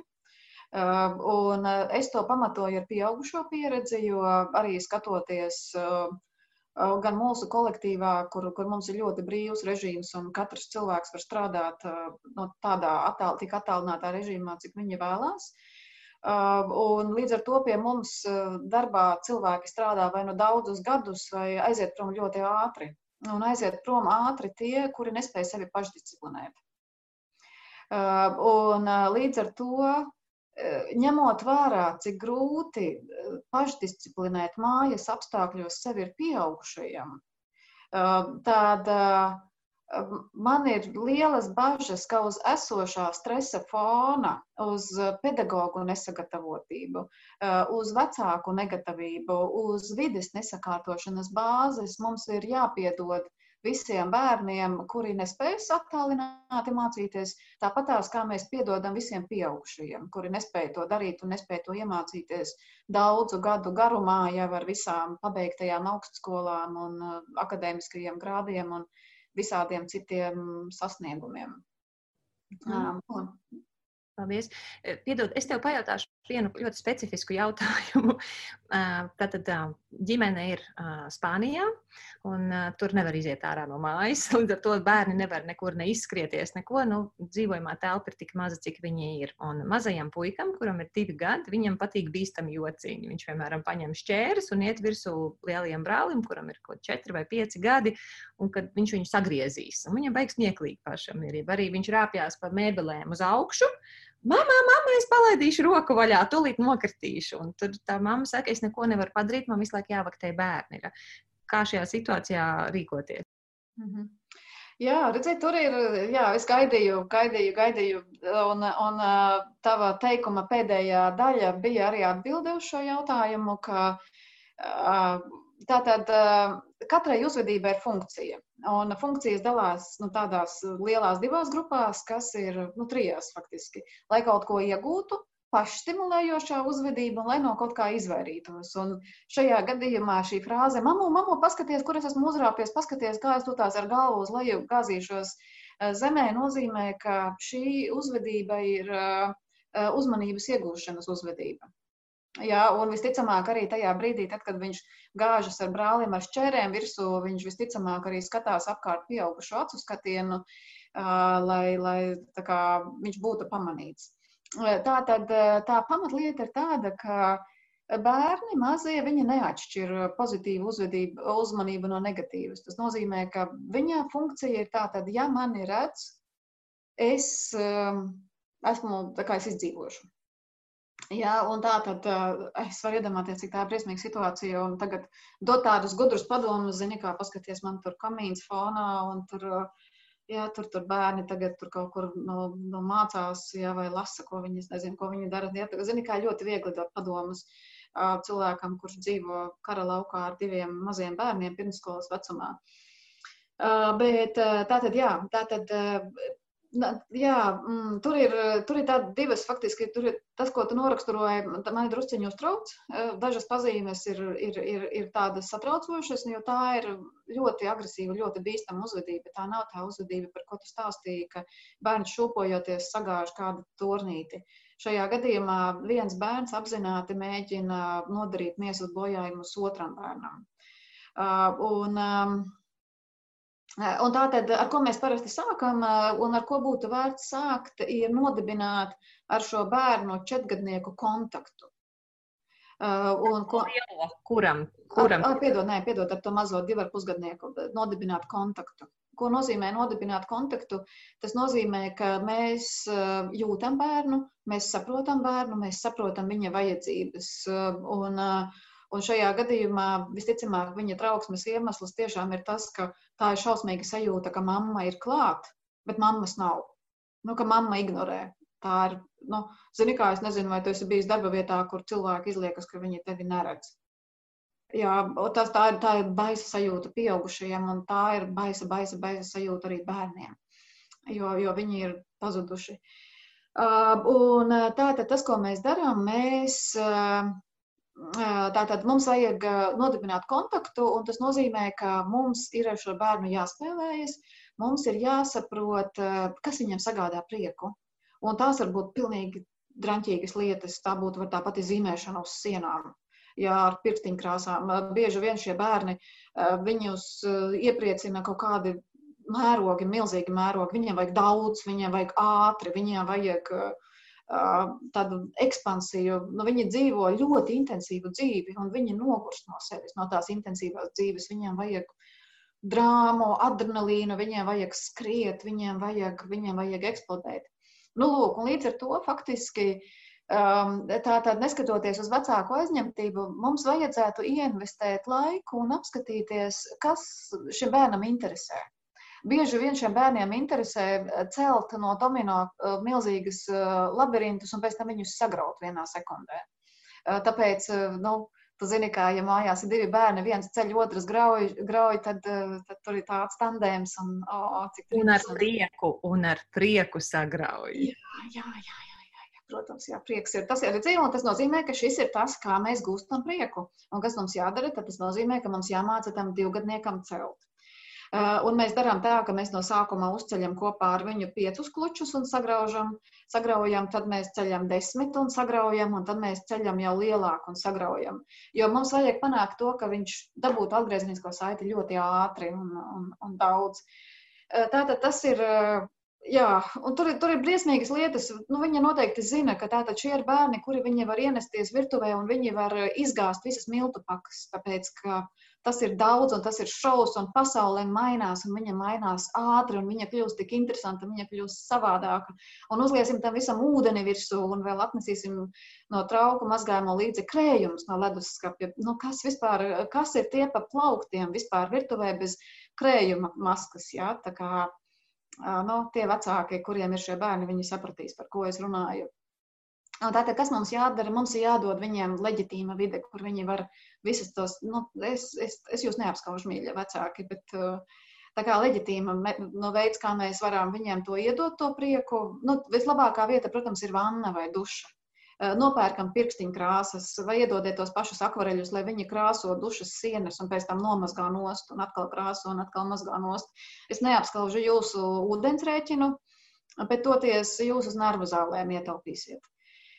Um, nākamais, kas ir būtiski šiem bērniem, divu ar pusgadniekiem, iemācīt komandu stop. Faktiski, ja šie bērni nemāca komandu stop, viņi apdraud savu veselību un dzīvību un citu veselību un dzīvību. Vai tu vari pastāstīt, kādā veidā ir nepareizi mācīt komandu stop? Oh, mm. Zini, kā ir bezgalīgi daudz veidi, kā visu ko sabojāt. Uh, Um, nu, faktiski es pamācīju, labāk es pateikšu, kā ir pareizi mācīt stop. Tātad mēs sākam ar to ejam, ejam, stop. Tas nozīmē, mēs spēlējam spēli, kaut vai tā pati diena, nakts. Ja, tā tad bērni kustās, kustās, kustās, kustās un stop, tad ir nakts. Jā, un, un atkal ejam, ejam, ejam, un stop ir nakts. Jo savādāk, ja mēs mācīsim stop tajā brīdī, tad, kad bērns jau ar šķērēm ir atvēzējies, lai uh, kā, izbakstītu otram brālim acis, tad bērns sapratīs, ka stop tas ir kaut kas ārkārtējs bīstams un pēc kura sekos pēriens. Nu, nevajadzētu sekot pērienam, bet, bet jā, tā kā tā līdz ar to. Vislabāk bērni iemācās tos uzvedības modeļus, kurus mēs izmēģinām drošos apstākļos. Tas ir tāpēc, kāpēc arī strādā mūsu mācīties, draudzēties, spēlēties un uh, dusmu kontrolas spēle. Jo, Tev viņas tur ir blakus, tu vari parādīt. Ko, nē, man ir, man ir blakus, man ir, man ir, man viņa jāatsaņo, re, kur ir mācīties, draudzēties, spēlēties, jūs viņu redzēsiet spolī. Un ar to spēli cilvēks mācās ko, bērns mācās ko? Jā, mēs mācāmies tā kā tādu ar divu ar pusgadnieku, tūlītās es viņu attaisīšu vaļā, re, kur šeit ir nomierināšanās stratēģijas, tātad mazam bērnam ir jāmācās, lūk, es nomierināšos, tātad re, kur. Es tātad trīsreiz dziļi elpošu. Mēs bērniem mācām elpošanu. Elpošanas vingrinājumi ir pirmais, kas ir jāiemācās bērniem ar impulsu kontroli. Jo tāpēc, ka elpa, elpa vienmēr mums ir līdzi. Un maziem bērniem, kāpēc viņi ieiet ieiet histērijā, afekta stāvoklī un nenāk ārā, jo bērns sāk strauji elpot, viņam sākas hiperventilācija, viņam sāk rēpt galva, jo smadzenēs ir par daudz skābekļa, un bērns vairs nespēja adekvāti domāt. Un tad maziem bērniem mēs mācām puķu elpu, tātad tādiem divu ar pusgadniekiem. Tātad mēs viņiem mācām, zini, kā puķu elpo. Viņiem ir mazas, mazas nāsis un milzīga mute. Un tad viņi ar mazajām nāsīm ievēl gaisu. Un tad ar muti izpūš uguni. Un tad mēs to izmēģinām ar bērnu. Um, un tad mēs pasakām, vai tu redzi, nu, cik tev labi palika. Jā, tad paskaties, kas notika ar tavu sirsniņu, kas notika ar savu, tavām domām, um, un uh, kas notika ar taviem muskuļiem. Un tā bērni iemācās. Un tad, piemēram, re, kur es dzeru tēju, redzēs, iedzeru tēju. Un tad es noriju malku, un tad mēs paprasām bērnam, vai kā bērns ir, saka, oh, cik man labi palika. Šis ir tas brīdis, kad mums jāpasaka, tā tad redzi, tā kā tu iedzer ūdeni, tad tu jūti, kā tev tas ūdens noiet lejā pa vēderu. Vai tu jūti, kas, kas tev notiek ar elpu, kas tev notiek ar muskuļiem, cik tev labi domā paliek, cik tev labi paliek sirsniņai. Kāpēc mums ir svarīgi to izrunāt? Jo tajā brīdī, kad bērns iedzer to ūdeni, viņš nomierinās.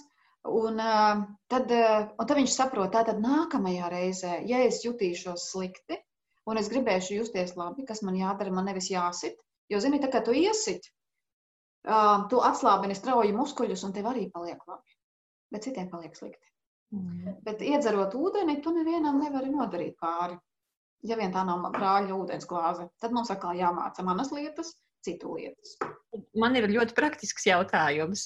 Reku man blakus ir tava pasaki sev, pasaki citiem spēle. Mēs diezgan mm. spēlējam. Bet šī te, kā viņa bija mācīties spēlēties? Mācīties, draudzēties, spēlēties, jā. Jā, tad tās spēles man nav. Jautājums ir, tu viņu vari atsūtīt pa pastu šajā laikā? Protams, jā. Mm, zini, kā?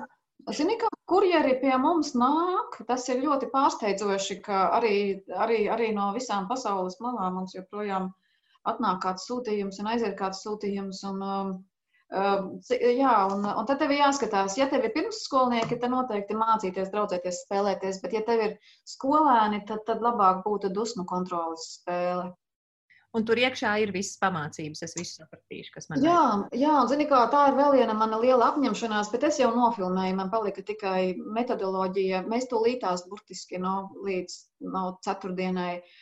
Es samaketēšu, kā strādāt ar dusmu kontrolas spēli tieši ar konfliktējošām grupām, kas ir māsas un brāļi, kā vienoties par noteikumiem un oh, kā faktiski, jā, kas ir, nu, tāda, kā, kā strādāt ar bērniem ar ļoti sarežģītu uzvedību, kuriem Tā kā viņš mani speciāli pagrūda, viņš paņēma manu lietu, viņš speciāli mani sakaitināja, lai es viņam iesistu, kuriem nu, visi ir vainīgi, tikai ne es. Jā, mums mājās ir tāds viens bērns, tā kā mums būs pašā laikā. Mums būs akcija, un akcija ir tāda, ka tātad eh, visi, kas iegādāsies, mācīties, draudzēties, spēlēties spēli, viņi saņems uh, mūsu kārtošanas spēli bez maksas. Jo tāpēc, ka šīs ir tās Tas nozīmē, ka tagad tieši man mājās, jo es tāpēc es gribu šo te mācīties, draudzēties, spēlēties spēli. Viņ, tas, tā nekārtība, kas mājās darīsies, ir labi, ka mēs klāt varam pielikt kādu to kārtību. Jā, jā, un tas ir arī mūsu lielais plāns, arī ņemot vērā, cik mums aug pieprasījums tieši pēc kārtošanas spēles un arī pēc šīs un dusmu kontrolas spēles, jo, protams, uh, tas, ko mēs arī nu, paredzējām, ka tā ir krīze, ka pasūtījumi apstāsies, bet uh, tas nav noticis patreiz tieši mācīties, draudzēties, spēlēties un dusmu kontrolas spēle un kārtošanas spēle ir mūsu, mūsu top ejošie produkti. Un tātad tiem, kas ņem šo te mācīties, draudzēties, spēlēties, tā kārtošanas spēle ir bez maksas, un jūs viņas sūtīsiet pa pastu, es tā saprotu. Mēs viņas sūtīsim arī pa Omnivu. Omniva ir lieliska, lieliska inovācija. Kas nozīmē, ka nekāda kontakta nav. Jūs vērtā laikā paņemat un saņojat vaļā un jau spēlējat. Un kā ir ar ārzemēm? Vispār nu, mums ar līdz šim, ar kurjeru pasta viss ir kārtībā. Es pat, es pat brīnos, nu, ka, ka citreiz nu, es darbā esmu maz. Nu, tā kā es tikai ieskrienu uz divām stundām un te neviena nav. Uh, Bet, bet, bet zini, kā tā kā es esmu darbā un es atveru darba ēpastos, man ir tāda sajūta, wow, ka viss notiek un, un viss ir kārtībā un, un, un pieprasījums ir un dzīve turpinās. Un, un, un mēs tagad drukāsim arī jaunu emociju spēli, kas arī būs ļoti vajadzīga. Izsūtījām tipogrāfijām cenu piedāvājumus un viņi atnāca uzreiz. Uh, un, un tā kā līdz ar to šī, te, šī te sajūta ir ļoti, ļoti nepieciešama, ka viss notiek un ka cilvēki otrā pusē ir un viņi atbild un, un, un katrs izdara labāko iespējamo, kas ir viņa spēkos. Tad par prieku runājot, um, tu teici, prieks būtu kas, par, par ko mums būtu jāparunā. Ir šajā kontekstā tieši grūtības ar ģimenēm mājās. Vienalga, mm. mamma ir viena vai ir abi divi vecāki, kā bērni plēšās. Ko tur ar to prieku darīt? Mm. Jā, tā kā varbūt es ticu, ka visi vecāki ir pamanījuši, ka Tā tad ar bērniem ir tā, ka, ka viss viņiem ir tā cikliski. Ir kaut kāds laiks, kad viņi ir ļoti, ļoti draudzīgi, un tad, kad viņi sāk plēsties, tad liekas, ka tas nekad vairs nebeigsies. Un, tā, tad, tā tad, kas ir būtiski, lai mēs izdzīvotu krīzi, un ne tikai krīzi, bet lai, lai mēs izdzīvotu to, ka 60 gados māsas un brāļi viens otru neienīst, mums ir jārada pieredze, pozitīva pieredze kopā būšanai. Um, un līdz ar to, ak, Dievs, cik tas izklausās pareizi, bet, bet tas ir tiešām svarīgi. Uh, līdz ar to tas, kas mums ir, mums ir būtiski, mums ir būtiski mācīt uh, bērniem uh, un arī mācīties pašiem būt, gūt prieku no kopā būšanas, kas nozīmē, ka mums ir jāspēlē spēles, kur mēs visi daudz smejamies kopā. No, mēs, piemēram, mums bija ļoti smieklīga vakardien tieši Katānas ieciņotāja spēle, un, un mēs izsmējāmies no sirds. Paslēpes spēlējam, tā kā spēlējam, nu, spēlē, faktiski veidojam, un laikam tas ir jāapkopo vesels, atkal vajadzētu taisīt vienu sarakstu spēles, kas, spēles, kas rada prieku, un katrā ģimenē tās ir savējā, savas aklās vistiņas, arī vienmēr ir ļoti, ļoti jautra spēle. Starp citu, brīnišķīga spēle, kas vieno brāļus un māsas ir silts, augsts, karsts. Atceries tādu spēli no bērnības, vai ne? Uh, Un, un, un ir daudz, piemēram, tas pats Jānē. Tā kā nesaka, ne jā, ne nē, ne balts, ne melns, kur bērni spēlē un viens otru ķer. Un ļaujiet arī spēlējiet paši kā vecāki, ļaujieties noķerties, ļaujieties zaudēt, ļaujieties tikt pazemotiem. Pieņemiet to, ka bērni desmit gadu vecumā viennozīmīgi ir gudrāki par jums, nolieciet galvu un priecājieties. Ja viņi tādi nebūtu, tad, tad jūs nebūtu izdarījuši labu savu vecāku darbu. Uh, atmetiet savu ego, metaties, rāpojiet kopā ar bērniem, daudzieties kopā ar bērniem, jo, tāpēc, ka, jo jums vairāk būs šie prieka brīži, jo mazāk viņi strīdēsies.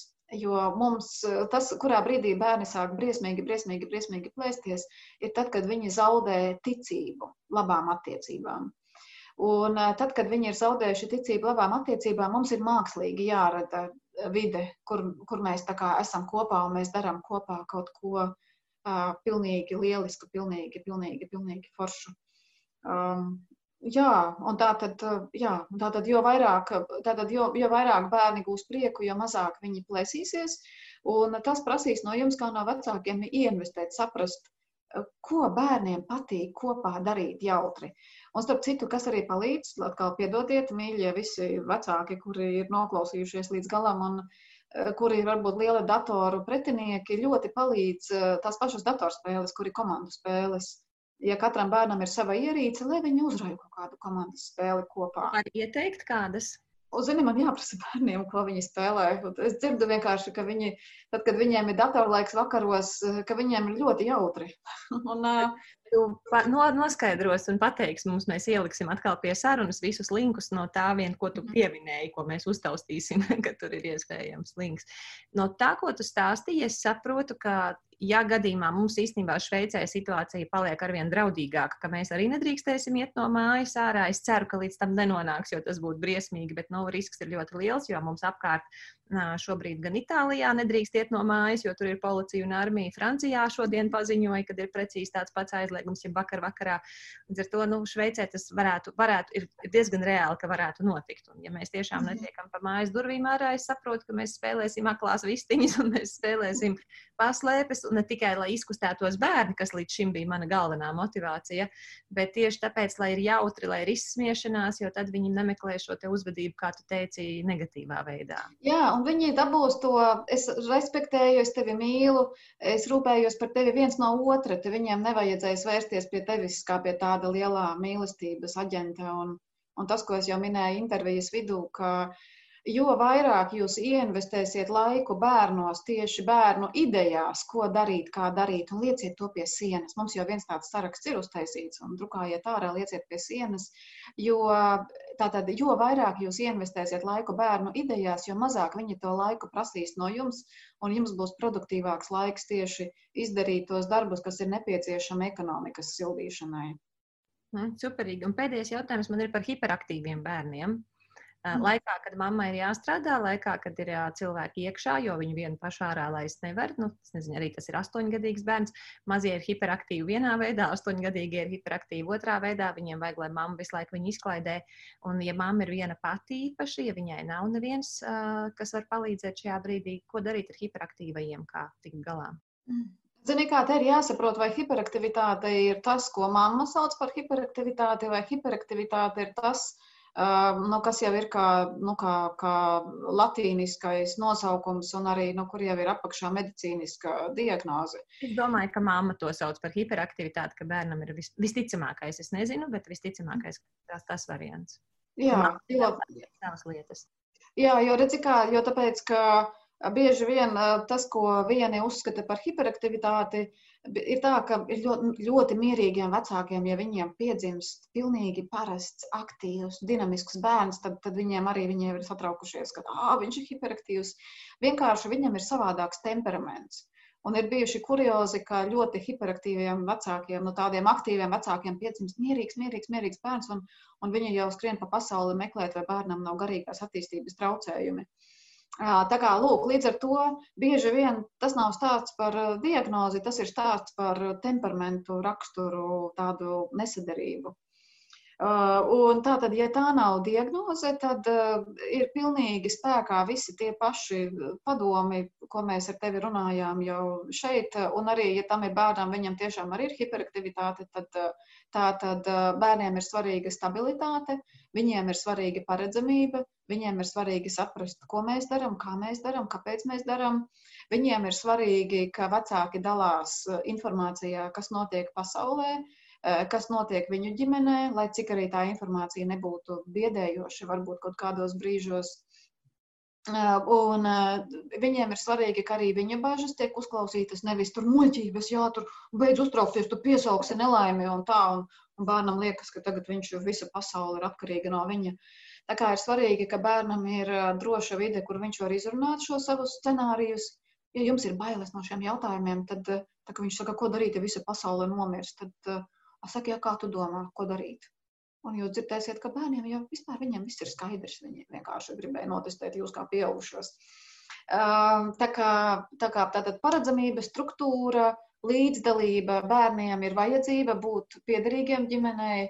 Viņiem nevajag, pat ja tā izskatās, ka, ka mamma kā, ir sajūta, ka viņa apkalpo, tad tas nav stāsts par apkalpošanu, tas ir stāsts par mammas prasmēm iesaistīt uh, ģimenes darbiņos citus bērnus. Jo reizēm mammas neļauj bērniem mizot kartupeļus, jo viņi tur 80% uz mizu miskastē izmetīs. Lai tā viņi met to mizu miskastē. Ja, ja viņi mizo, viņi saka, tur viņi tur izvārīja, tur pārsālīja zupu, lai tā viņi pārsāla to zupu.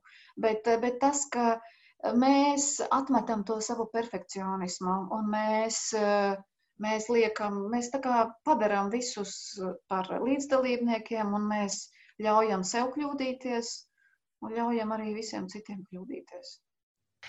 Līgu, ja es varu norezumēt to, ko es sapratu no šīs sarunas, un tu notestē, vai es neesmu kaut ko bīstamu pārpratusi, jo, ja es esmu pārpratusi, pastāv iespēja, ka vēl kāds ir kaut ko sev neizdevīgā veidā pārpratis. Tad pirmais, ko es saprotu, lai šai krīze nebūtu tik grūta ģimenē, tik grūta uz vecāku pleciem, tas pirmais ir saprast, ka neviens mēs neesam ideāli vecāki, ne perfekti, ne tuvumā. Un tas, ka mūsu bērni savā starpā kašķējas un kliedz un draud un vēl nezinu, ko dara, tas nenozīmē, ka mēs esam izgāzušies kā vecāki. Tas tikai mhm. nozīmē, ka mēs esam vecāki, kuriem ir īsti bērni. Un kā es varu mazināt savu stresu attiecībā uz darbu, tad, kad man zvana telefons, vai kā, ja es jau laicīgi vispirms piedodu sev, ka mani bērni tur fonā auros vai taisīs trolliņu, un ka tā tad es man ir jātiek galā ar to, ko es, kā es pati uztraucos, ko par mani padomās tas, kurš man zvana, kā par mhm. vecāku vai kā par cilvēku. Ja es pirmām kārtām tieku galā ar šo daļu, tie ir mhm. tīri iekšēji, man jau tas stresa līmenis mazinās. Mhm. Tad otra lieta ir tad, kad tie cilvēki zvana, es viņiem, es viņiem varu palīdzēt pārvarēt šoku vai arī nomierināt sevi. Es viņus pabrīdinu, ka, ziniet, mēs tā esam mājas apstākļos, man ir divi tīņi, ja man ir divi savstarpēji greizsirdīgi bērni, nebrīnaties, te būs aurošana. Ja Mhm. jums tas neder, tad mums ir, mums ir jāmeklē kaut kas. Jāsazvanās, jā. Tas zvaniet no rīta, jo tāpēc, ka man nav izdevies manu bērnu nolikt gulēt. Jā, zvaniet no rīta, un tad, tad būs mierīgāk. Jā. Tad nākošā lieta, lai es sevi pasargātu, vienalga, cik vecs ir mans bērns, nu, e, ja vien viņš ir nu, jau saprātīgāk kaut kādā no 3, 4 gadiem, droši vien no 4. Visticamākais, ka mēs plānojam dienu. Starp citu, šodien no skolas mums ir otrā diena, kad ir skola slēgta. Mums atnāca pastkastē, ir ielikta milzīga tu, nu, soma, kas ir pilna ar burtnīcām, grāmatām, un tur ir vesela mape ar darāmajiem darbiem. Un pirmā lapa tajā mapē ir uzruna vecākiem, nu kā, kas, kas jums ir jāizdara, kas ir bērnam jāizdara, bet uzreiz pēc tam ir kaut kādas piecas lapas šai nedēļai. Katrai dienai sava darba dienas lapa, katrai nedēļai savs darba dienas tāds tā kā grafiks.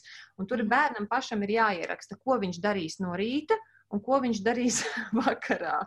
Un tad šajā te mapē klāt vēl ir arī iekšā bērniem visādas praktiskas lietas, kā viņi tur taisīs karodziņus līmēs, kādas tur dekorācijas un visādi tādi paraugi salikti, par ko es biju pārsteigta, viņam lecama aukli ir ielikta tajā, tajā mapē iekšā. Nevis lecama aukli, Jauki. riķis nogriezts, ja, lai tad, viņš, viņš gan radoši izpaužās, gan viņš var fiziski izlēkāties. Un tas smieklīgākais ir, ka bērns pirmais, ko viņš darīja, viņš paņēma to striķi un lēkāja, un es biju priecīga, mums tagad būs uh, bišķiņ, bišķiņ mierīgāk. Bet tas, ko tu teici par plānu, es biju pārsteigta, ka pašā sākumā ir plāns, un tur arī ir parādīts, kas bērnam ir pašam jādara, kad mums ir tikai jā, jānorāda, ok, tas tev ir jāizdara.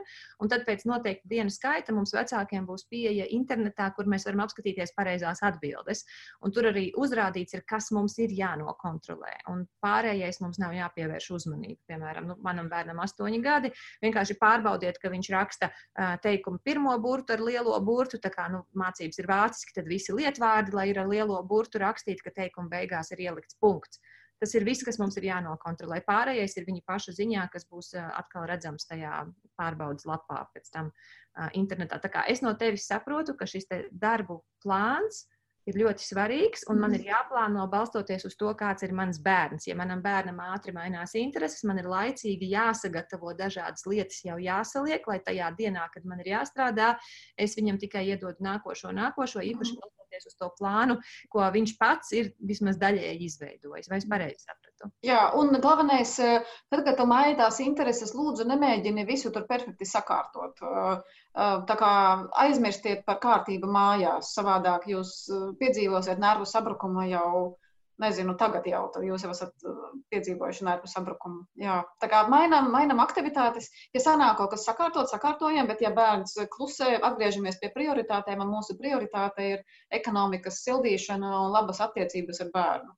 Jā, un tā tad rēķināties, ka mājā būs pamatīga nekārtība, netīrība, jo viņiem vajag mizot kartupeļus, mālēt sienas uz tām sienām, kuras, piemēram, mans istabā atļauj mālēt, vai uzstādēja kaut kādas papīra lapas lielas. Ja, tad uh, vienkārši ar to samierināties, ka tad man ir dzīvi bērni, un es pat arī esmu dzīva, un mums viss ir ļoti labi. Mhm. Skaidrs, līgu. Un tad uh, viss pārējais, ko tu stāstīji, Linki, es zinu, tavā rakstā par bērndārzniekiem ir vienkārši izcili aprakstīts, ar ko ir jārēķinās, jo, kā jau tu teici, ar mazajiem bērniem ir krietni grūtāk, jo ar viņiem nevar sarunāt. vai Ne? Ar Viņiem ir grūtāk sarunāt, jā. Un atcerieties, pāri visam labas attiecības ar bērnu. Tas ir, tas ir, tas ir vissvarīgākais. Saglabājiet labas attiecības ar bērnu un arī, protams, ar saviem visiem mīļajiem, kas jums ir apkārt. Līga, liels tev paldies par mūsu sarunu, par tavu palīdzību. Un, es tā pieņemu, ka es pēc neilga laika būšu atkal klāta, jo viena no lielām problēmām, tad, kad mēs uzrunājām mūsu sekotājus, cilvēkus, kas klausās mūsu intervijas, ka viņi saka, šobrīd ir vēl tik agri, ka mēs pat nezinām, par ko mums prasīt palīdzību. Un tās bija tikai pirmās lietas, ko pajautāju. Un droši vien, ka varētu būt vēl vairāk. Tā kā nu, nebrīnīties, ka es atkal tev klauvēšos un zvanīšu. Iedomājies, tik daudz jautājumu jau pirmajās četrās dienās. Krīzē, kas ir svarīgi krīzē? Krīzē ir svarīgi saglabāt ticību, un uh, dzīve vispār ir par uh, ticību nākotnē. Uh, un uh, saglabājiet ticību nākotnē, saglabājiet ticību attiecībām, saglabājiet ticību saviem bērniem un saglabājiet ticību labām attiecībām ar saviem bērniem, kas citreiz likās neiespējami. Tas nozīmē, ka jūs esat cilvēki un um, saglabājiet ticību sev. Un, um, ja mēs kaut kā varam palīdzēt, tad, zinot, mēs esam blakus. Un tāpēc jau mēs esam, lai palīdzētu viens otram. Super. Līga, liels tev paldies, un tad līdz nākošajai mūsu sarunai, jā, ar atbildēm. Jā, paldies tev liels. Jā. Tā. Atā.